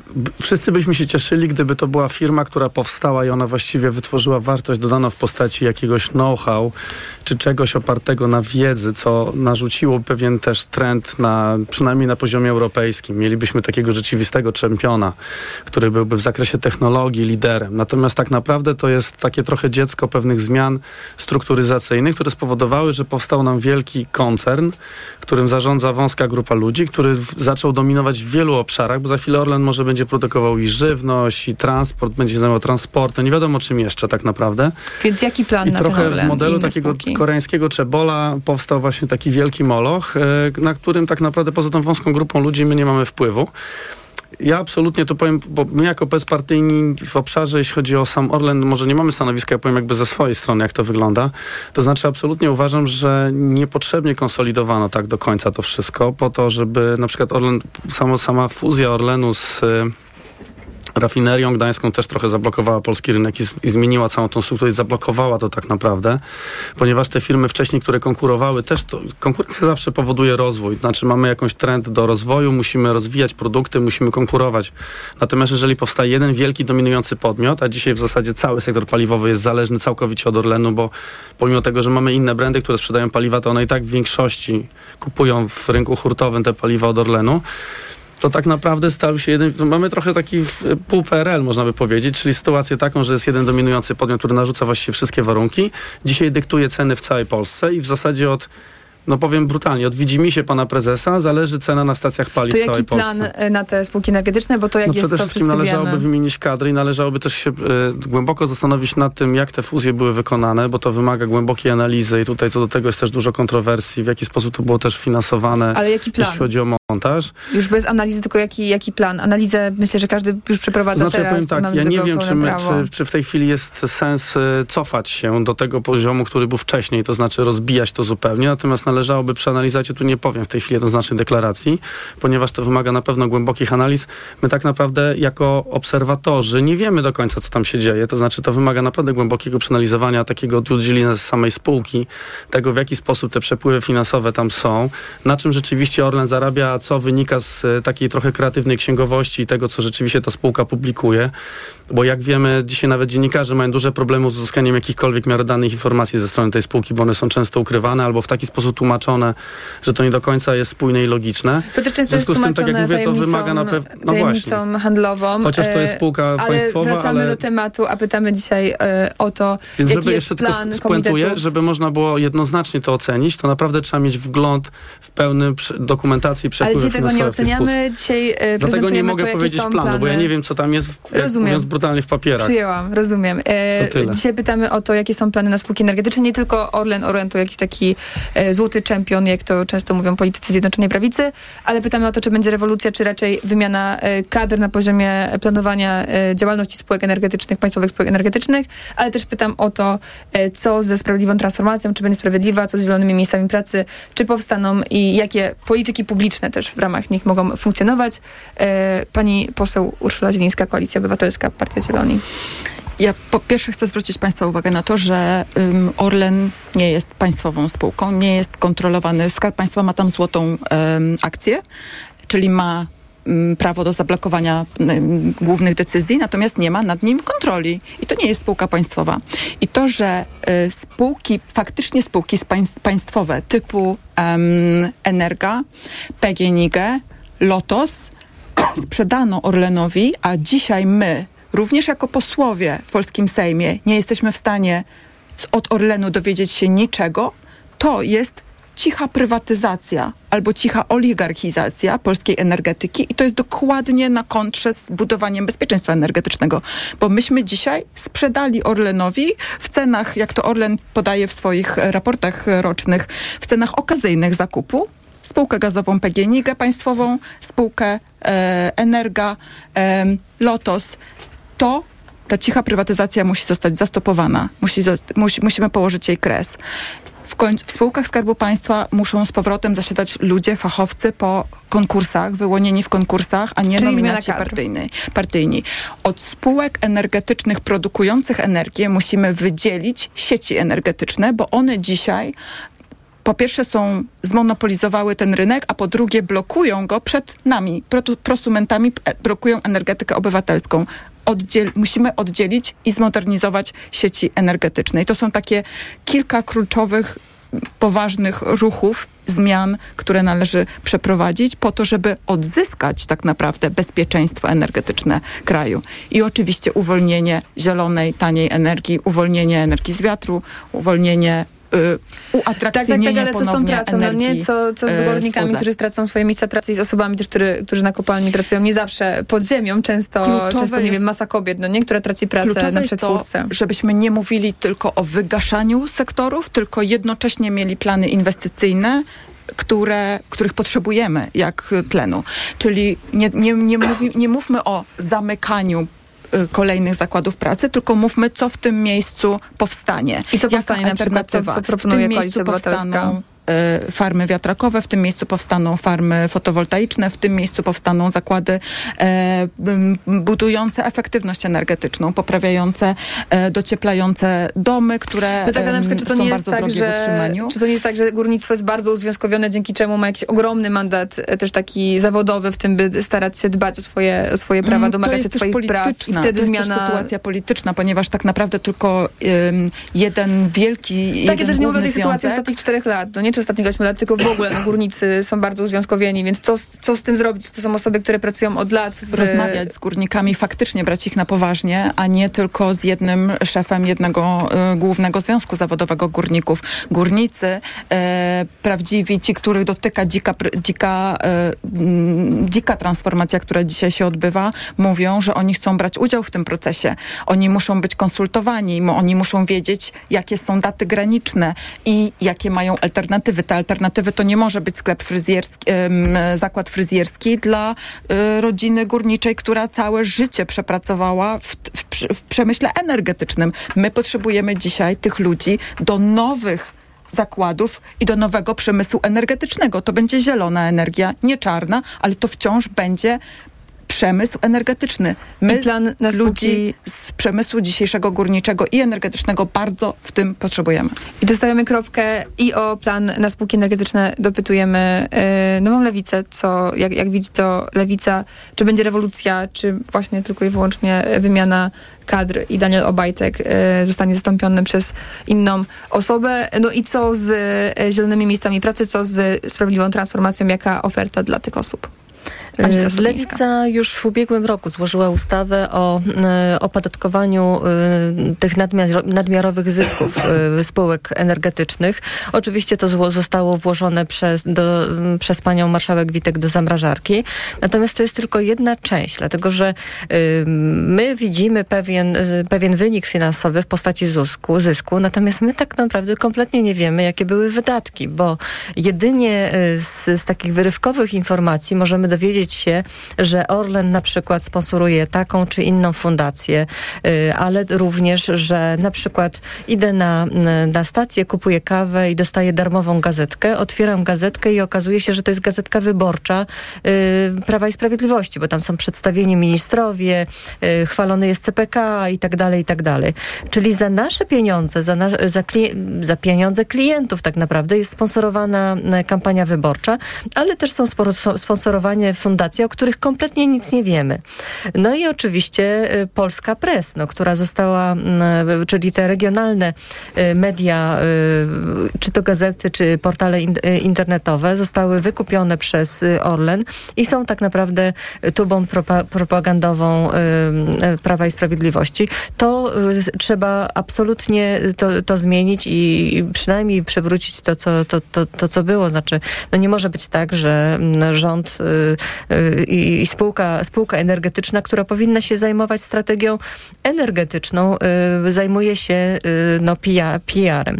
Natomiast to mm, myślę, że y, trzeba też spojrzeć na te spółki energetyczne troszeczkę szerzej i y, jakby zadziałać również na tą centralizację, y, centralizację rynku energii, bo w tym teraz jak widzimy tą strategię chociażby E PEP 2040, strategię energetyczną, to zobaczmy, że ona idzie w stronę y, tylko i wyłącznie właśnie elektrowni jądrowej albo tylko i wyłącznie wiatraków na morzu, czyli offshore, czyli tak naprawdę wzmacnia tylko pozycję dominującą spółek energetycznych. Natomiast my musimy zadziałać tak, żeby powstawały spółdzielnie energetycznych, żeby rozluźnić ten rynek, żeby małe i średnie przedsiębiorstwa, żeby, y, y, żeby również samorządy mogły inwestować w energię i aby zrobić miejsce dla tych małych i średnich y, prosumentów, tak? I, i uważam, że to jest kluczowe, żeby y, stworzyć takie ramy prawne, żeby te spółdzielnie energetyczne rzeczywiście mogły y, rosnąć, mogły pocz- pączkować, bo obecnie jest to, wygląda to naprawdę fatalnie. Jest tylko kilka spółdzielni energetycznych i one są po prostu maleńkie. Y, Jeżeli chodzi o zielone miejsca pracy, to oczywiście Lewica tutaj stoi za pracownikami. Mamy dobre relacje z, z nie, nie ze wszystkimi oczywiście, ale jednak ze związkami zawodowymi. Y, I tu uważamy, że potrzebna jest sprawiedliwa transformacja. I tu podam przykład Bełchatowa, który, o którym wiemy, że węgiel brunatny skończy się za 10, może 12 lat i właściwie zosta- zmusiliśmy w pewien sposób y, Urząd Marszałkowski do opracowania y, planu transformacji, natomiast nic się nie dzieje. Najgorsze, y, co można zrobić tym ludziom, to jest, to jest taka niepewność. Ci ludzie oczekują, że będzie, będzie plan wykonywany, będzie A jakaś taka jedna szkolenia. propozycja, która dla nich, dla nich jest z waszej strony? Znaczy, ja uważam, że oczywiście odnawialne źródła energii, to też zostało takie, takie opracowanie dobre zrobione, bodajże to było Forum Energii, że jak najbardziej jest tam duży potencjał dla wiatraków. Być może SMR-y, nie duża y, elektrownia jądrowa, bo tam po prostu nie będzie, z tego, z tego co ja wiem, z, z informacji od ekspertów, wy- wystarczająco dużo wody. Natomiast być może SMR, y, ale także to trzeba patrzeć na to szerzej. Na przykład szybkie połączenie koleją Bełchatowa i Łodzi, no, ale też inwestycje w takie miękkie rzeczy, jak na przykład ochrona zdrowia, czy sanatoria, czy no, to wszystko powinno iść ze, ze sobą w parze i oczywiście edukacja odpowiednich kadr. Bardzo dziękuję. Marek Tucholski, Konfederacja. E, Jak jest u was, jeśli chodzi o e, potencjalną rewolucję albo jej brak w spółkach energetycznych Skarbu Państwa, między innymi w Orlenie, ale też nie skupiajmy się nad nim tak bardzo, bo mamy ich faktycznie sporo. Tak jak w przypadku transformacji energetycznej, tak jak i tu nie zapowiadamy jakiejś wielkiej rewolucji, ponieważ mówimy o strategicznych gałęziach gospodarczych, więc e, to, co należy zrobić, to przede wszystkim doprowadzić do sytuacji, w której nie ma monopolu, chociażby wspomniany już tu Orlen, który przy obecnej cenie dolara i rosnących cenach ropy obniża ceny paliw na stacjach. To jest niedorzeczność. Tak nie może być, że ktoś ręcznie steruje cenami paliw w Polsce. I e, myślę, oczywiście wszyscy spodziewamy się tego, że po wyborach te ceny wystrzelą, no bo przecież trzeba sobie odbić e, te utracone zyski w tym momencie. No ale to jest jednak, to jest sprawa Orlenu. Orlen jest w tej chwili monopolistą, więc trzeba zrobić coś, e, że przywrócimy konkurencyjność na rynku. To I nie jest nawet tak istotne, E, czy mamy, czy mamy państwowe, czy prywatne przedsiębiorstwo w, tej, w, tym, w tych segmentach, jeśli chodzi o strategiczne działy gospodarcze. Istotne jest to, czy jest element konkurencji. Jeżeli jest element konkurencji, wtedy nie ma obawy o to, że ktoś będzie narzucał nam takie czy inne ceny, będzie nimi ręcznie sterował. Natomiast jeśli chodzi o całość e, całość spółek energetycznych, to spółki energetyczne też kreują transformację energetyczną. Mają potężne pieniądze, e, mogą, mogą przekierować je na takie albo inne inwestycje e, i spółki e, Skarbu Państwa w tej chwili, e, e, również Orlen, który jest kontrolowany przez państwo, prezes jest mianowany przez, przecież przez rządzącą partię, e, to tego typu spółki mogą kreować właśnie kierunek transformacji energetycznej i naszym zdaniem w tej chwili kreują niekorzystny kierunek transformacji energetycznej, wydają ogromne pieniądze e, Polaków, które zarabiają głównie na Polakach, e, na e, ściąganie, ściąganie tutaj komponentów z Chin, na, na to, że firmy zagraniczne tutaj budują wiatraki czy wielkie farmy fotowoltaiczne, które nie dostarczą nam stabilnej energii, które tylko i wyłącznie doprowadzą do tego, że Ale przestańmy mieli... tak cały czas analizować to, co się dzieje teraz. Jaki jest plan Konfederacji na spółki energetyczne Skarbu tak Państwa? Co wy zrobicie? Przywrócenie konkurencji tam, gdzie się da. I to niezależnie od tego, czy to będą podmioty prywatne, prywatne czy państwowe. E, to jest pierwsza sprawa, a druga sprawa to jest nakierowanie spółek, e, te, które będą strategiczne, które będą w ręku państwa, na transformację, która będzie korzystna dla Polaków. Bardzo I tą dziękuję. transformację korzystną dla Polaków widzimy między innymi w tym, żeby prowadzić badania naukowe nad tym, aby, aby budować, projektować e, także reaktory jądrowe, ponieważ, ponieważ spółki energetyczne gdzieś tam na zapleczu mogą to spokojnie robić, bo mają na to zasoby. Nie może być tak, że Narodowe Centrum Badań Jądrowych musi podpisywać umowy z Japończykami na to, żeby pracować nad reaktorami HTGR w Japonii, ponieważ Polsce nikt na to nie chce wyłożyć pieniędzy. Bardzo dziękuję i e, ostatni głos, e, ostatnia odpowiedź na to pytanie Ignacy Niemczycki, Trzecia Droga, Polska 2050. E, ja muszę powiedzieć o dziwo, że w jakiejś mierze zgadzam się z panem z Konfederacji, że tak trzeba przywrócić konkurencję, tylko że e, państwo stawiacie Warto na... rozmawiać, wszystkie rzeczy są możliwe. Ale, ale, i to jest ważne, państwo stawiacie na konkurencję tak naprawdę takich molochów. Natomiast to, co my chcemy zrobić i co staram się wytłumaczyć, ale nie wiem, czy mi się udaje, e, trzeba wesprzeć małych i średnich przedsiębiorców. Znaczy przede wszystkim, jeżeli my myślimy o małych i średnich przedsiębiorcach, to naprawdę jest bardzo dużo firm w Polsce, które już teraz na OZE zarobiło duże pieniądze, tak? E, I musimy ich wesprzeć. Jeżeli naszym punktem wyjścia jest energetyka rozproszona, to Orlen czy podobnego rodzaju spółki widzimy jako spółki, które mają tę energetykę rozproszoną umożliwić, ale to nie, nie chcemy oprzeć tej energetyki rozproszonej e, na nich. E, ja jeszcze tylko dodam, bardzo fajnie, że pan wspomniał o tych obniżonych cenach paliwa. Ja też jestem rolnikiem nie da się zamówić teraz diesla w hurcie, jest bardzo ciężko. E, lepiej jest po prostu pojechać ciągnikiem, traktorem na stację. E, no i wiecie Państwo, co się stało? Orlen na zlecenie ministerstwa upłynnił rezerwy strategiczne. To też sobie powiedzmy, że PiS, który krzyczy bezpieczeństwo, po prostu wyciera sobie gębę tym hasłem, upłynnił rezerwy strategiczne po to, żeby mamić nas cenami benzyny na e, stacjach. My proponujemy zupełnie inne podejście.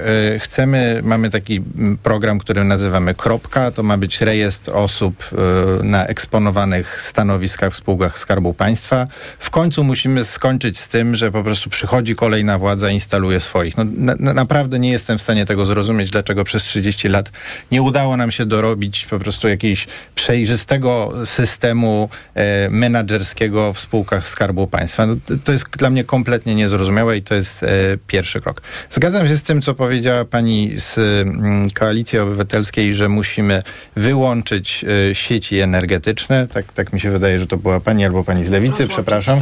Tak, e, tu, się, tu się zgadzamy, bo znowu to umożliwi właśnie pójście w stronę energetyki rozproszonej i instalowania tych mocy OZE. Jeżeli chodzi o sprawiedliwą transformację, myślę, że to jest clue naszego programu. My proponujemy, żeby z tych pieniędzy ZTS-u, bo tego pan nie powiedział, że pieniądze ZTS-u trafiają do polskiego budżetu, żeby z, te, z tych pieniędzy zrobić zielony fundusz na transformację energetyczną. Przy założeniu, że te uprawnienia kosztują e, 40 euro, a sam pan powiedział, że kosztują więcej, ale trzymajmy się tych 40 euro. To jest 170 miliardów. Zależy od momentu. E, e, to zależy od momentu, to się zmienia, nie wiem, nie wiem ile jest teraz. E, e, Możemy e, zaraz to sprawdzić. Więc e, to daje nam 170 miliardów e, złotych. My policzyliśmy, że jeżeli byśmy mieli odejść od węgla w ciągu dwóch dekad, będzie wymagało to wsparcia dla około 15-16 tysięcy osób z sektora górnictwa węgla kamiennego.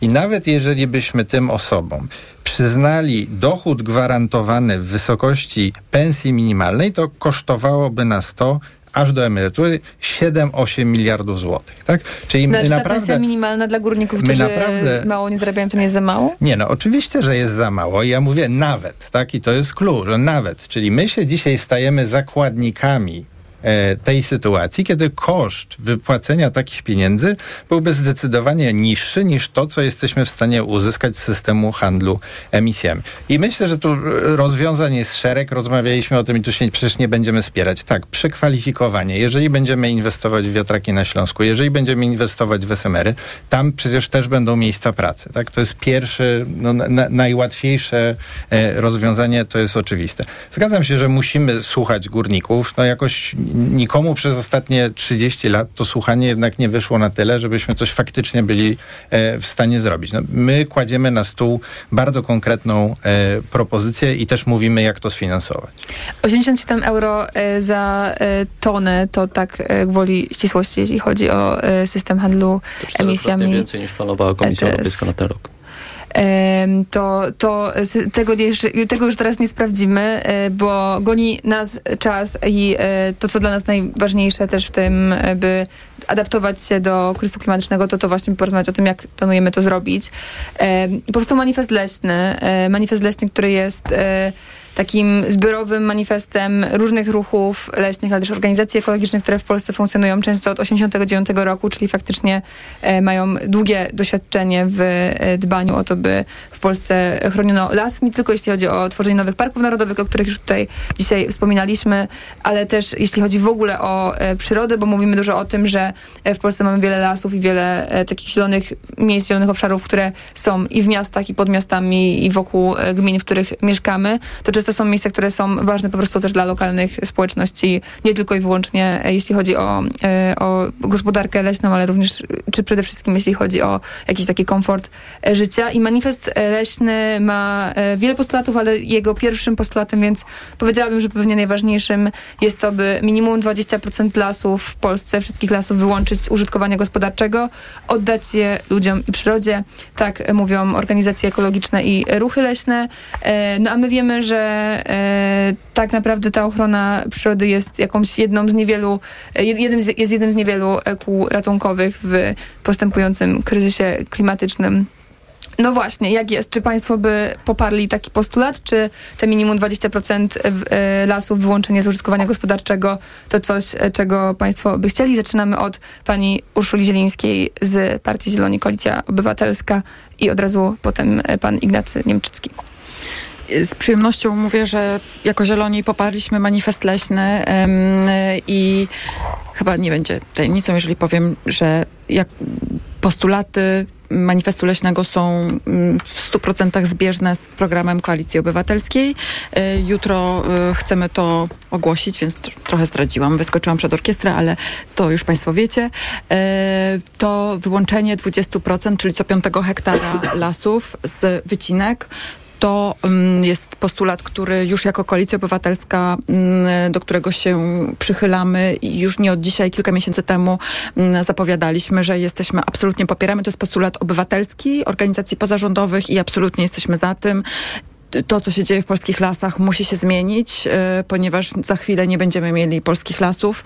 E, chcemy też iść dalej, ponieważ prawie połowa um, tego drewna, z danych wynika, że prawie połowa drewna e, pozyskiwanego w polskich lasach jest spalana w elektrowniach. Chcemy też e, e, zmi zmienić to. Chcemy, nie chcemy palić polskim lasem w wielkich elektrowniach. On drzewa nie są od tego, od tego są inne technologie, inne źródła energii.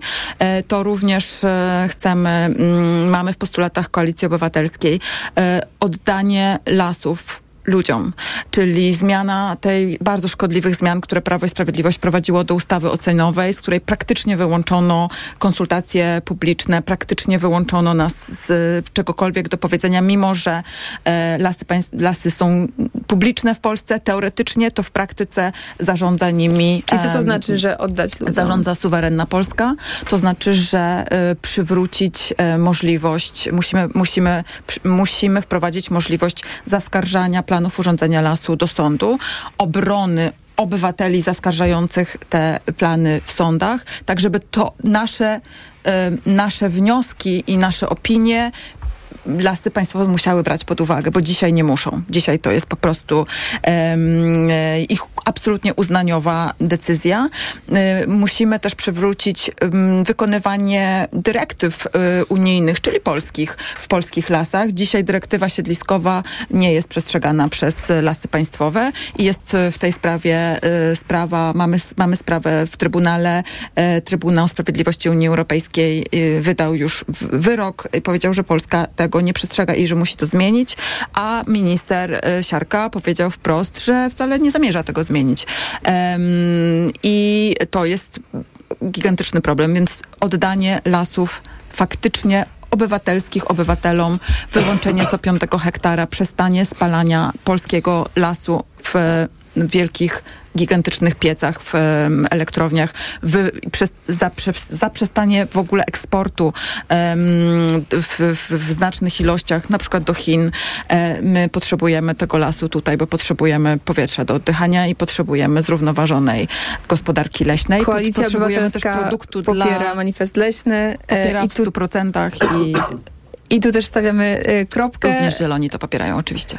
E, Ignacy Niemczycki, Trzecia Droga Polska 2050. Jak jest z wami? 20% lasów wyłączone z użytkowania gospodarczego, dziś to 3% e, lasów, które jest wyłączone z gospodarki leśnej.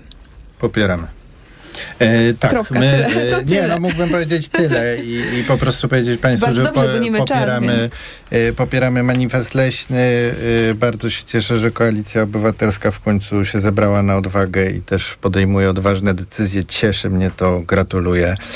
Popieramy manifest leśny, leśny chcemy wyłączenia 20% tych cennych e, lasów. E, chcemy też, żeby plany urządzenia lasów były konsultowane w sposób jawny, powszechny i też, żeby były zaskarżalne. Zgadzamy się.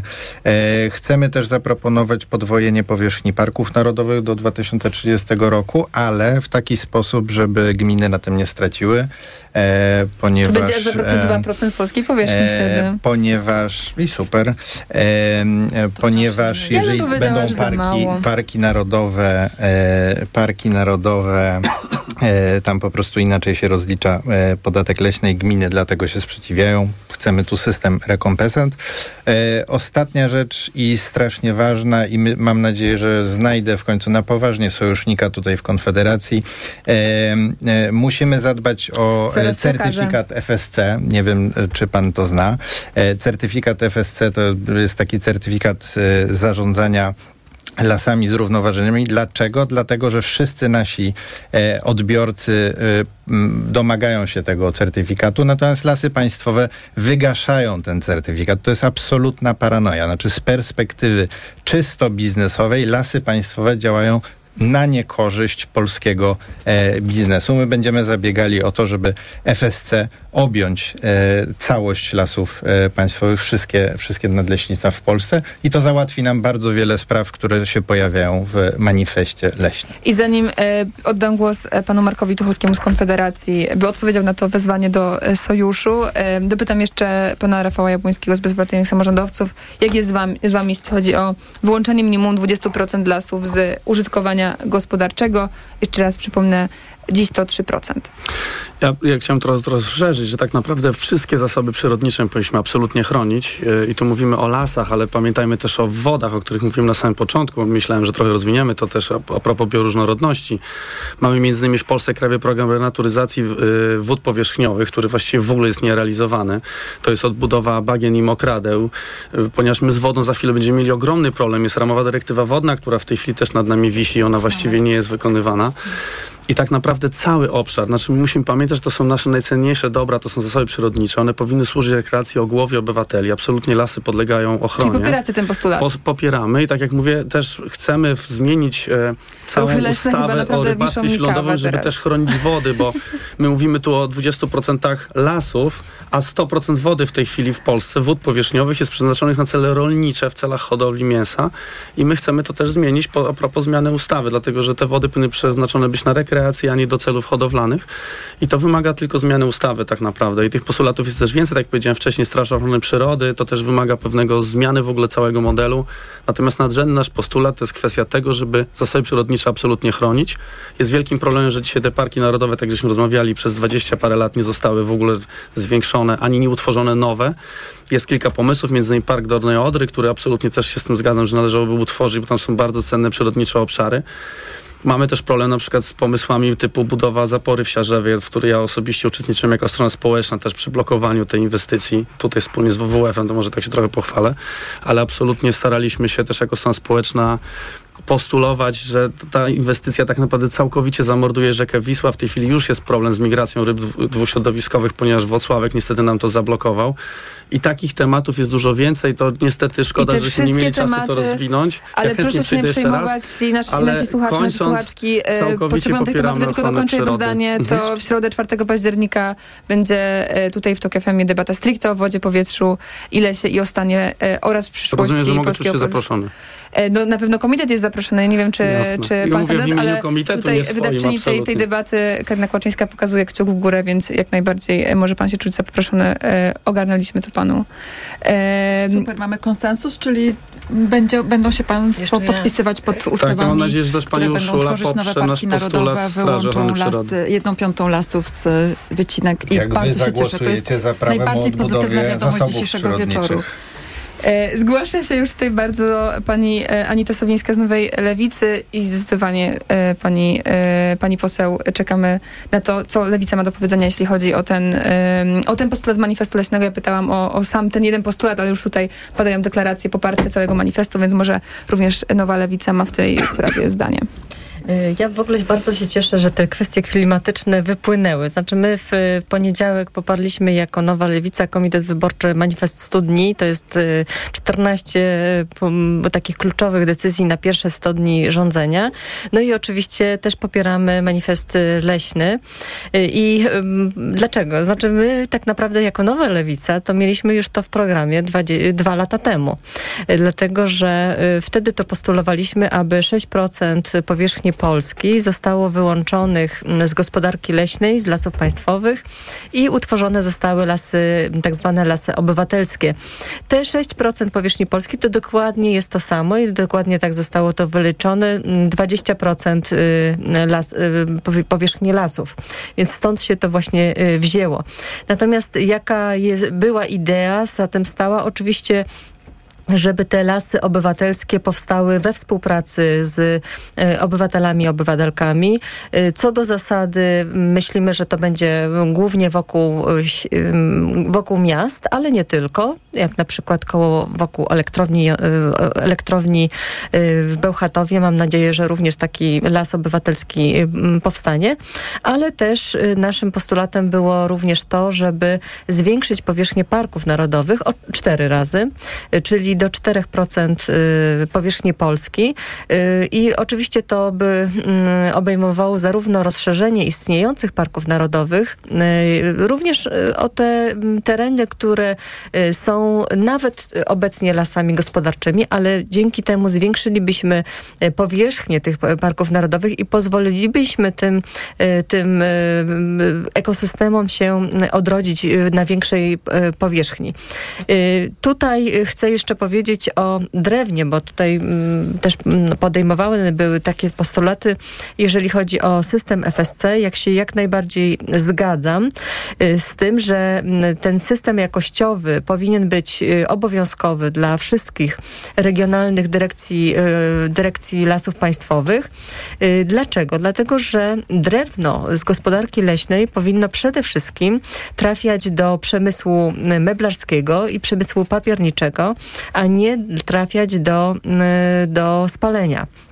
Oczywiście zdajemy sobie sprawę, że póki co y, część elek- również elektrociepłowni albo samych ciepłowni jest oparta na spalaniu biomasy. Natomiast przynajmniej nie powinniśmy dopłacać do tego interesu, y, jak to niestety jest teraz czynione.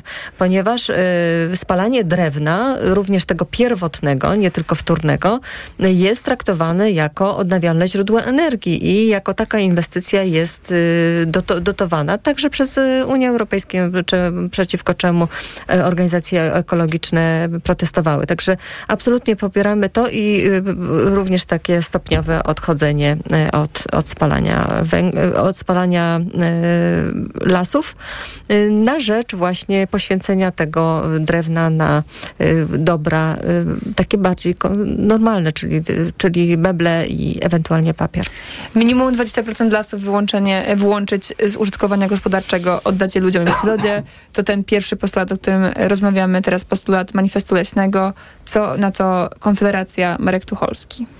20% to bardzo dużo, to jest ponad 5% powierzchni kraju. E, Ja ogólnie z dystansem podchodzę do takich manifestów, ponieważ tam jest więcej pytań niż odpowiedzi często. E, Pytanie teraz, je- e, 20% to które fragmenty tych lasów? Powstaje pytanie, co z lasami prywatnymi? Lasy prywatne stanowią w Polsce prawie jedną piątą wszystkich lasów. Pamiętajmy o tym. Jeżeli, jeżeli mamy tych lasów nie wycinać, jak rozumiem, mają nie podlegać pod gospodarkę leśną i tak dalej, taką jaką, jaką w tej chwili mamy, no to wtedy pytanie, co jeżeli taki las zachoruje, co jeżeli tam będzie, będą termity i on zostanie zniszczony, czy, czy możemy go wyciąć, żeby ratować e, las wokół, czy jednak nie.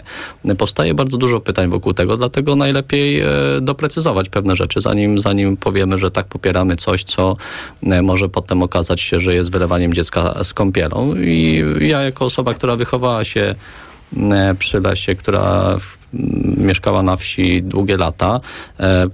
Widziałem lasy, e, znaczy lasy prywatne i państwowe, które funkcjonowały koło siebie. Nie można ich było gołym okiem odróżnić, bo tam nie było żadnych płotów poprzegradzanych i tak dalej.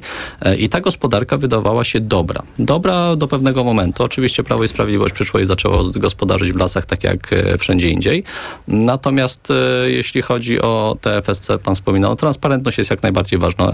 Pochodzenie drewna jest jak najbardziej ważne. Natomiast ja bym wpuścił do lasów państwowych Najwyższą Izbę Kontroli na początek, ponieważ może się okazać, tak jak w innych, e, w innych dziedzinach naszego życia, e, że tam są rzeczy, które należy wyjaśnić, zanim w ogóle zaczniemy realizować inne rzeczy. I e, lasy państwowe są jedną z takich instytucji, która do pewnego momentu radziła sobie całkiem dobrze. I myślę, że nie można też z drugiej strony robić też i tutaj rewolucji. Jako Konfederacja jesteśmy przeciwni takim rewolucjom, że nagle 20% odrywamy i robimy tam coś innego. I także i tutaj należałoby najpierw sprawdzić, co tam się dzieje, czy, czy te wycinki drzew chociażby masowe, które widzimy ostatnio, to wynikają z kalendarza, czy one są jednak e, podyktowane tym, że ktoś robi politykę rabunkową w tych lasach. Naszym zdaniem zalecana jest ostrożność, a na początek należy skontrolować lasy państwowe. Ruchy leśne mówią, że to ten drugi powód, czyli faktycznie ta rabunkowa e, polityka leśna i gospodarowanie lasami.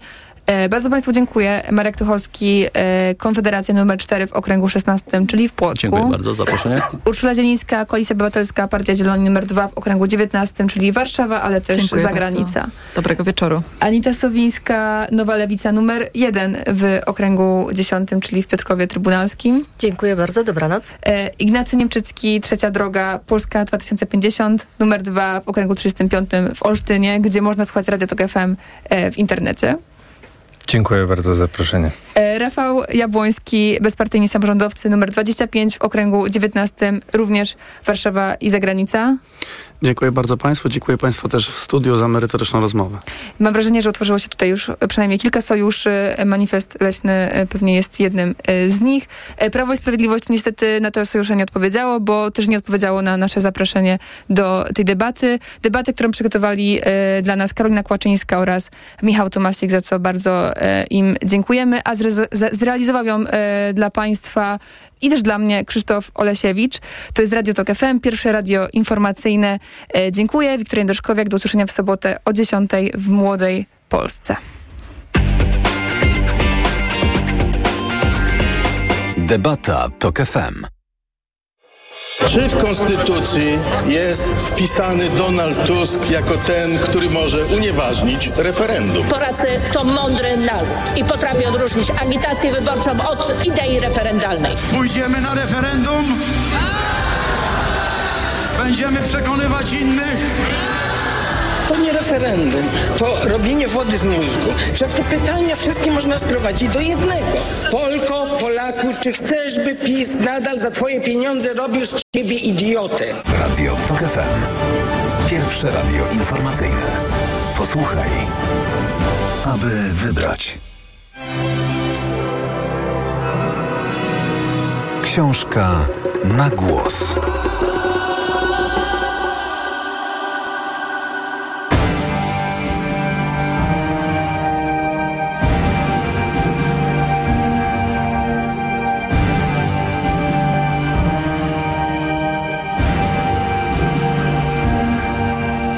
Michał Kokot. Polska na